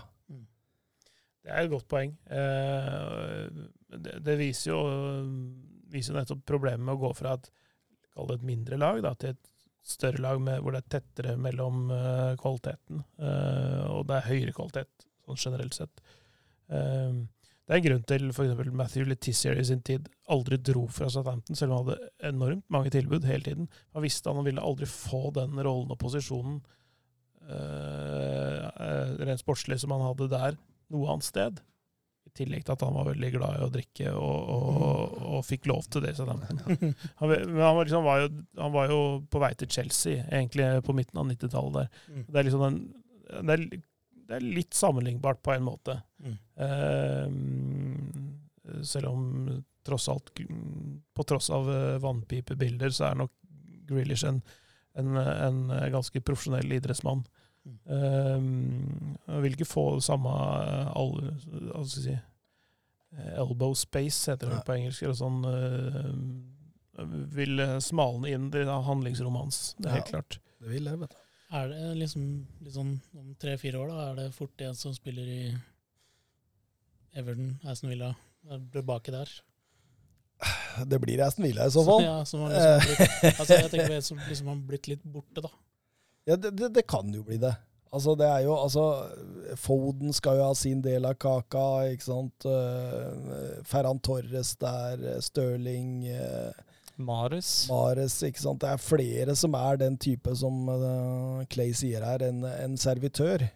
Så, så, det må jo ligge en plan bak oss å hente, hente han som virkelig setter krona på verket også. Og, og, der kommer Kane inn, og jeg, jeg som Tottenham-supporter er jo livredd i disse dager. Det skjønner jeg. det er jo eh, klart det at det var litt overvurdert, eh, dette med denne streikinga han skulle ha gjort, fordi han er jo i en karantene. Det er akkurat det samme som hvorfor ikke Varan har skrevet under for Manchester United enda. Det handler jo om denne karantena, åpenbart, da, som han fortsatt sitter i. Eh, I hvert fall å bli presentert. da, Han er vel klar, kanskje. Jeg veit ikke åssen det der, der er. Det var vanskelig å si, rett og slett. Men, eh, men eh, det, det, tar voldsomt lang tid før Manchester United presenterer spillerne sine etter at det var vel tre uker før de var enige med Sancho, før han ble presentert også. Ja. Kan ha noe med EM, men Ja, sikkert. Det er sikkert mange faktorer i disse dager som spiller inn, men som, hvis man tenker på det spørsmålet um, Var det Jørgen Bjørletti som hadde det? Mm. Så, så, City trenger en spiss. Og skal de hente på den hylla de vil hente på, så er det jo sånn Det er jo nesten Kane eller Haaland som Ja, for, fordi da må de jo over på den nieren vi snakker om, som det ikke finnes så mange av. Kuppe Lukaku. ja, så i siste øyeblikk nå for Chelsea, det Men Chelsea gjør jo det med alle andre klubber, så kan de få en sånn i trynet sjøl da. Ja, Hvis ikke Pep skal liksom bevise at han kan vinne Champions League uten en spiss, da. Han ja. har jo en uh, særing, så det blir Stirling som nier. ja, det er i hvert fall eh, voldsom offensiv slagkraft. De mangler kanskje til å tuppe ballen akkurat over mållinja. Eh, altså Tenk på Riyad Mahrez, Bernardo Silva, Kevin De Bruyne, nå Jack Rillish, eh, Stirling og Phil Foden, som har gjort seg sjøl til en angrepsspiller eh, opp igjennom. Ja, Starta jo som venstreback og trukket Han, han gikk i sånn sikksakk-rute på vei fram. Altså han starta som venstreback, ble litt sånn defensivt på venstresiden på midten, og så ble han venstrekant og nå mer ving, nesten. Ja, det er, liksom godt, uh, Han har gått gradene. Definitivt. Ja. Virkelig morsom spiller, da. Ja. Litt utenkelig når jeg hører deg snakke nå, å tenke på at Foden har vært en defensiv spiller, nesten. Ja, er, men, men, du ser at han har så mye kvalitet i seg. vet du. Altså, han kan, altså, du, du hadde sikkert klart å gjøre eh, Phil Foden til nummer ti også, mm. hvis man liksom ville den veien. Eh, det er sånne spillere som er litt sånn De er i litt sånn udefinert landskap, og så, og så må du peile inn én retning. Da, og det, det virker jo som Guardiola peila han dit han trenger han mest, rett og slett. Jeg tror, jeg tror også han, eh, han, mangler litt, litt sånn, jeg skal ikke si orienteringsevne, men litt det blikket som du må ha når du spiller sentralt, hvor du har et sånn 360-blikk. Han er bedre ute på kanten når han kan se liksom alt, alle sine utfordringer foran seg. Han har det foran seg. Men, men som no, nummer ti så må du liksom ha 360-blikk. Ja. Kunne gå begge veier og ikke være enfota, ikke sant. Det, ja, det, det, er liksom det som er begrensningen hans, egentlig, tenker jeg, da. Så han må finne seg sjøl ut på kanten her. Mm. Eh, Sander Midtstuen på Twitter var Lukaku plan B hele veien, over en milliard på en spiller på 28 de har hatt tidligere, virker ikke helt plan A. Du kalte vel akkurat plan C, så Ja, jeg gjorde faktisk det. det var, jeg veit ikke om det var inspirert av det spørsmålet, eller om det var mine egne tanker. Men. Det er inspirert av United, i hvert fall, som bruker en milliard på en spiller de har hatt før. Ja. Uh, det, er det, der, det understreker jo bare hvor kokos disse summene er. Uh, og hvordan det derre uh, markedet med å plukke talenter og så, sånn som, som, plukkes i ung alder, og så sel, gis de opp, selges, og så utvikler de seg, og så skal de kjøpe det tilbake. Det er et veldig rart fenomen, det der. Altså. men Lukaku til Chelsea jeg tror faktisk det kan funke nå. Han har utviklet seg voldsomt i Italia. Ja. Voldsomt. Jeg er helt enig. Jeg tror han uh, framme der nå vil gjøre Chelsea helt klart en Premier League-kandidat. Ja, det tror jeg òg. Det, det, var jo der skoen trykka, altså Timo Werner. Hvor, altså, totalt sett, jeg husker ikke hvor mange mål han endte opp med, men det var godt under 20 til sammen. Mm. Og det var eh, toppskåreren. Eh, en som liksom i mange miljøer ble betegna som en flopp var toppskåreren i Chelsea. Jeg, jeg, sier ikke at han er en flopp, fordi jeg tror eh, Timo Werner at vi kommer til å få se enda mer av han fremover. Mm. Jeg har aldri vært selv solgt på Timo Werner sjøl, selv, selv om han putta mye i Leipzig. Det er liksom et eller annet ved han som jeg ikke helt får taket på. Um, ja, man, man, er litt sånn sånn han, han, er jo øh, litt øh, Justin Cloyfert. ikke sant? Altså stikke, stikke, stikke bak i rommet og sånt. Og han har ikke fått de mulighetene i, i kjempestor grad. Ikke, ikke, ikke, i RB Leipzig-grad. Så jeg tror Nei. å få han en sånn fri rolle ut venstre med en Lukaku sentralt, det tror jeg Det, det, kan, det kan, bli, det kan bli bra. og Jeg tror også Tuchel sånn sett er en, øh, en, bedre trener for han enn det Frank Lampard var. Måten han spiller fotball på og sånn også. Men, men Timo Werner var nettopp det vi har snakka om som en sånn veldig sånn rollespiller. En veldig sånn tydelig rolle i et lag. Og det er, det er, ikke alltid lett å se hvor gode de er i andre typer systemer og lag og, og ligaer og sånne ting. Veldig god i den rollen han hadde.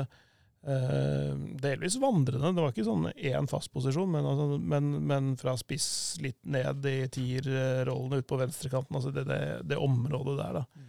Eh, hvor han opererte i RB Leipzig. Og det i det systemet, med de direksjonene som Nagelsmann ga, så funka det helt optimalt. Men det, det, er ikke gitt at det funker i et annet lag, et annet system.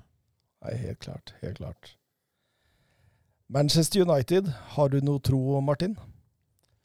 Uh, jeg ser vel ikke de som en sånn uh, ligautfordrer, egentlig. Men uh, tredje-fjerdeplass er uh, der jeg tror de kommer til å havne. Men, jeg, spør, eh, jeg, spør, ikke deg som Liverpool-supporter, for du vil si nedrykk, men, eh, men, men, altså ah, Vi har hatt mye Solskjær-diskusjoner, i, i, i, eh, om ikke dette studio, så i hvert fall i tidligere studioer vi har vært inne i. og jeg, jeg, jeg klarer ikke å bli helt solgt, jeg. Fordi, altså de første, Det er fordi du hater Solskjær? Nei, jeg hater ingen.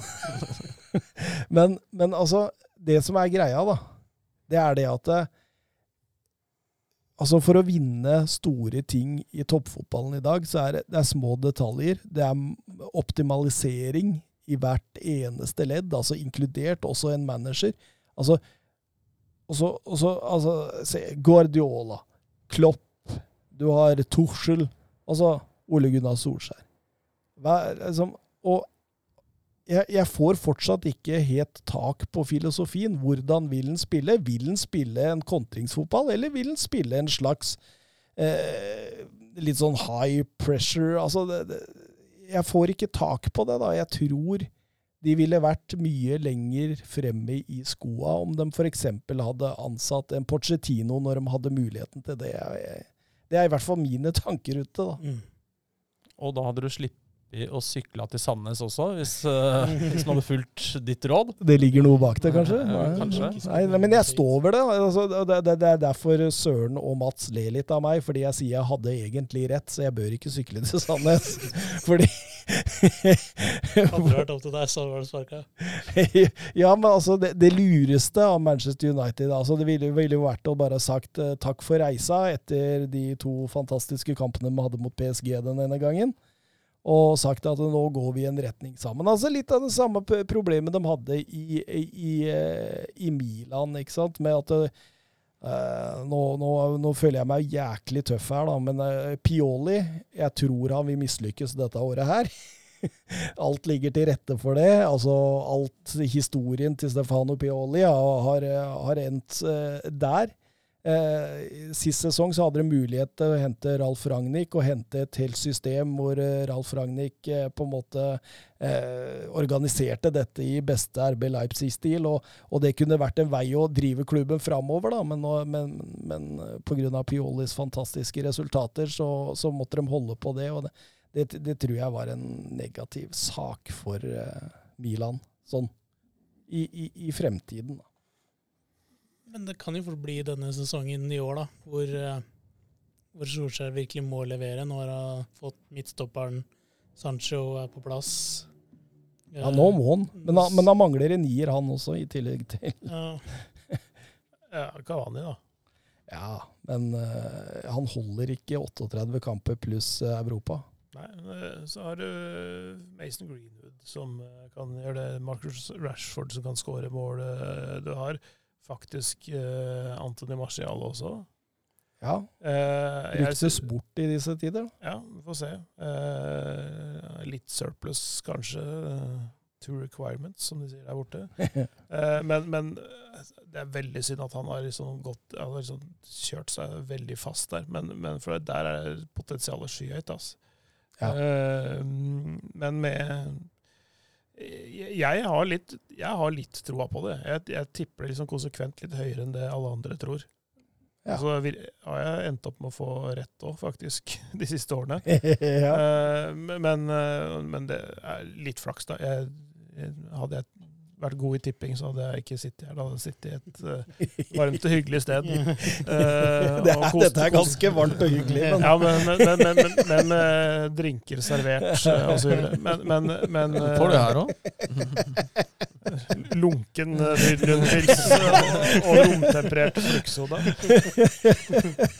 Nei da, men, men jeg, jeg Altså, det, han ble jo henta inn for å, for å stoppe liksom den derre Kall det litt sånn eh, Jeg skal ikke si forråtnelsen som var på, på vei der, men, men det derre liksom eh, Få det til å lande litt mykt, og så prøve å bygge opp igjen eh, klubben med en viss identitet. For de hadde hatt mange trenerskifter. Og så få litt den gamle United-ånden tilbake. Eh, skaffe, eller få tilbake linken mot akademiet, og, og, så få hele klubben til å da, dra i en retning. Du hadde hatt noen ganske svære egoer der, i van Gaal og, og, Mourinho, som på en måte raserte litt av den der gamle United-ånden. da. Mm. Uh, å få den tilbake, det tror jeg har en verdi i seg sjøl, selv, selv om du kanskje ikke har gitt de ligagull og noen titler uh, å snakke om. Det er klart. Uh, så, så, tenker jeg at han, i hvert fall, han, han etterlater seg et litt ryddere Litt ryddere Ja, jo, jo. Eh, ryddere bo, da, eh, når han en gang er ferdig. Og der er jeg enig med deg, men jeg tror det er til et visst hakk. Mm. Ja, jeg, tror også, også det, der, eh, det, å utvikle et, et, godt og variert offensivt spill, det veit jeg ikke hvor god han er. Det, det gjenstår å se. Men han, han, har jo, han har jo alle verktøyene han trenger. Ja, han har jo det. Han har jo det, Og han fikk jo Altså, Bruno Fernandes var jo en gave. Altså måten han eh, kom inn i, i laget på. Altså, da, det, det, var akkurat som de slo om under Bruno Fernandes-tida, fra å, å, være veldig kontringsbesatt til å plutselig ville prøve å holde litt mer på ball. Og det, og det, det ga jo resultater, fordi eh, de tapte jo mye poeng før Bruno Fernandes mot de nest beste, og så kunne de kontre og sjokkere topplaga i større grad. Eh, det har jevna seg litt ut nå med Bruno Fernandes, og det, det, for en jobb Bruno Fernandes har gjort i Manchester United. Til tross for at de statistikkene det snakkes om, er litt overhypa med en haug av straffespark. Jeg syns det, det, er kult. Ja, United er liksom litt annerledesklubben nå. fordi selv om kanskje ikke resultatene har vært der de ønsker, så har de på en måte satsa på prosjektet. Da. Og man kan jo, som dere nevner, si mye om Solskjær, men de, de har på en måte stått last og brast ved det. Uh, og det syns jeg er litt, uh, litt, kult, at en så stor klubb tør å tenke litt annerledes i en verden hvor, hvor treneren får fyken med en gang resultatene ikke er helt der man ønsker å være. da. Ja, men samtidig så er, var jo ikke altså på en måte Manchester United under Glazer er jo ikke den mest resultatorienterte klubben sett fra styreperspektiv. Altså, de er mer opptatt av inntekt, eh, brand, eh, klubbstørrelse, kjøre ut, ikke sant. De er jo, altså, det om de vinner en Champions League-tittel, det er ikke like viktig som for Paris Saint-Germain og Manchester City, da. Eh, fordi de har en sånn altså amerikansk tankegang rundt dette. Da. Og det, det, er vel kanskje en av de tinga som gjør at Manchester United-supportere reagerer sånn som de gjør. Det har jo vært voldsomme opptøyer der, særlig etter Super League. Ja, det er det samme som har vært problemet i Arsenal i ganske mange år. Med han derre Henry, er det han heter? Eieren der. Jo, den Crunky. Crunky. Stan Crunky. Ja, Crunky var det. Mm. Er i Liverpool? Mm? Henry er i Liverpool. Ja, ja, Henry. Det Fenway Sports Group de, de, de har ikke investert voldsomt foreløpig. De, de har henta en uh, stopper fra Tyskland, men ellers det har vært stille og rolig. Ja, 42, rolige 42 millioner euro de brukte. For en ganske skadeutsatt uh, stopper som foreløpig. Ja, Klopp uh, hinta jo om på, på pressekonferanse i, i helga om at det kommer antageligvis til å skje noe på overgangsmarkedet. Uh, og det vil jo overraske meg veldig om det ikke er en midtbanespiller. Uh, og så linkes jo ja, omtrent alle som er uh, i Renato Sanchez-land uh, dit. Neuhaus ses stadig vekk, blir uh, Ja, for det er en favoritt for deg? Ja, ja, ja når um, jeg fikk tenkt meg litt om, så, så syns jeg det, det, virker som en, en spennende erstatter for um, for Veinaldum. Det, det er litt sånn, Liverpool er litt sånn lag nå som hva skal De henter de der av 24 Eh, 25-åringene som, som, er litt sånn på vei oppover, og så knar det, knas det inn, inn, i et system etter hvert. Da. Det, har ikke vært de liksom, helt største navnene nødvendigvis uh, som hentes. Så, så Florian Noyas er jo litt sånn i, i tråd med, med, akkurat det, da. Ja, ikke sant. De henta en Yota istedenfor mm. Eh, en uh, Werner. Mm. Jeg ser tankegangen din. Og Florian Noyas er en sånn eller fin fyr akkurat den der fasen med å snu altså fra å ha ballen i forsvaret til å starte et angrep. altså mm. det der å, å, vende og snu opp spillet, mm. det, det, er han uh, veldig veldig bra til. Så tror jeg i den miksen på midtbanen her kan funke veldig bra, mm. faktisk. Eh, Renato Sanchez enda flere strenger å spille på. Har litt av de samme kvalitetene, eh, men allikevel likevel en mer sånn fysisk altså Har også mulighet til å gjøre litt sånn uh, drittarbeidet også. Mm. Nei, det, det, blir spennende å se. Jeg tror det kommer inn en ny midtbanespiller. Samtidig så, så jeg jo Bilbao Jeg så ikke hele kampen, men jeg så extended highlights fra, fra den Bilbao-kampen. og det Harvey Elliot driver med i den eh, matchen. Unge, unge Harvey Elliot. Det imponerer meg. Ass. Der eh, tror jeg Liverpool, hvis de tør da, å satse på han og gi han litt, eh, litt tid, så kan, kan han levere, levere, gode prestasjoner, som selvfølgelig vil variere, da, fordi han er en ung og talentfull spiller. Og så har man jo Nabi Keita og Tiago. Keita som har hatt en bra preseason, etter mm. hva jeg hører. Eh, nok en gang. Det er vel alltid sånn med Keita i Liverpool. eh, vi rusler jo mot to timer nå. Jeg, jeg, vil bare si til dere at det er bare altså, vi, vi, hadde jo skikkelig elektrikerproblemer Eh, i dag. Eh, elektriske problemer etter det, så det kom en elektriker og løste problemet fort. og Det tok jo fort en times tid, så hvis dere har annet å gjøre, så er det lov å si ha det bra, takk for meg. Det begynner å nærme seg det nå, når vi har bikka midnatt. Eh, vi har, vi har det, ja? Jeg skal på jobb i morgen, jeg. Ja. Oi, oi, oi, oi, oi, oi, oi, oi. Vi har vært innom veldig mye, da. Vi har det, så vi kan egentlig eh, og det vinduet er oppe litt til, så vidt jeg har skjønt, ut august. Mm. Og da er det- til å skje bevegelser. eh, Så er, jeg tror det er nok av mat å, å, å gnage på også neste uke. Og uka etter der. Og uka etter der. jeg, jeg, jeg tror det. Jeg tenkte jeg skulle bare kjapt gjennom Twitter-spørsmåla. For det, det vi, vi, vi har en sånn 100% uttelling av svaret på Twitter-spørsmål, skjønner du. Ja. Så det, det, er veldig greit. Og Ben Jarvson Jeg klarer ikke å uttale det. Ben. Horsen, er det det? eller? Ben Jarvson. Ja. Ben Jarvson. Ben Jarvson. Blir Smodorov en hit i Roma? spør han. Veit ikke. Hva, nei, det, det, det, altså Jeg har ikke sett jeg har ikke sett, han, Var det Genoa han kom fra? Jeg kom fra Genova. Han har Ja. vært i Rostov i, i Russland i noen år. Ja. Eh, jeg, muligens jeg kommenterte han faktisk i Rostov, men, eh, men det, jeg kommenterte russisk fotball òg, skjønner du. Ja, det, du var det Og også, ja. portugisisk. Og eh, ja, litt av hvert. Men, eh, men eh, nei, jeg har, ikke, jeg har ikke noe Jeg har ikke noe formening om han, i hvert fall. Speker, det har jeg fått med meg. Ja. Det er ikke ofte vi ser i topp, toppfotballen. Veldig fint driv på han, i hvert fall. Altså, han minner meg om sånn Mkhitaryan-type, så at han kan gå inn og gjøre en god jobb i Roma, det er jo for all del. Jeg, jeg syns det er spennende med det med Mourinho gjør i, gjør i Roma nå. Jeg skal følge det svært nøye, veit jeg. Nå var det ved tre røde kort og Mourinho ut i går. Totalt seks røde kort fikk de. Ja, det var- Eh, For det var, det var flere i den trenerstaben også som røyk der, så det var tre spillere og tre, tre på benken som røyk. En treningskamp. Ja, imponerende.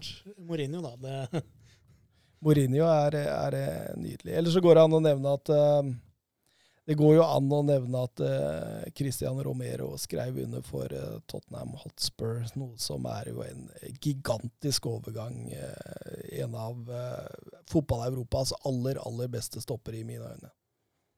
Og i hvert fall kan bli. Altså Men nå er det vel ikke mer enn et halvt års tid siden hvor eh, dette studio, bestående av Thomas og Mats og Søren, Kommer du med noe grums ja, igjen? ja, kåra, hva var det det var for noe? Dyer og Aldevarell til var det Englands eller Europas beste midtstopperpar. Ja. For et halvt år siden. Nei, ja, men det, altså eh, Det er lov å le av det. Er, det er bare, bare kjør på. Eh, det, det, det som var eh, akkurat der og da, det var jo starten på eh, første hele sesongen til Mourinho. Og Tottenham slapp jo knapt inn mål der da. Ja. Og da var jo Aldevereld og Dyer veldig bra, så vi fikk spørsmålet hvilket stoppepar syns dere per dags dato har vært best? Og da, da var vi gjennom Condé og Carlos eh, i Sevilla. Og hvem Det var det ved Båtmann og Font, tror jeg. Og så Dyer og Aldeverell. Det var de tre som liksom skilte seg. Så tror jeg kanskje det var et italiensk vi drev og diskuterte, husker ikke helt hvem.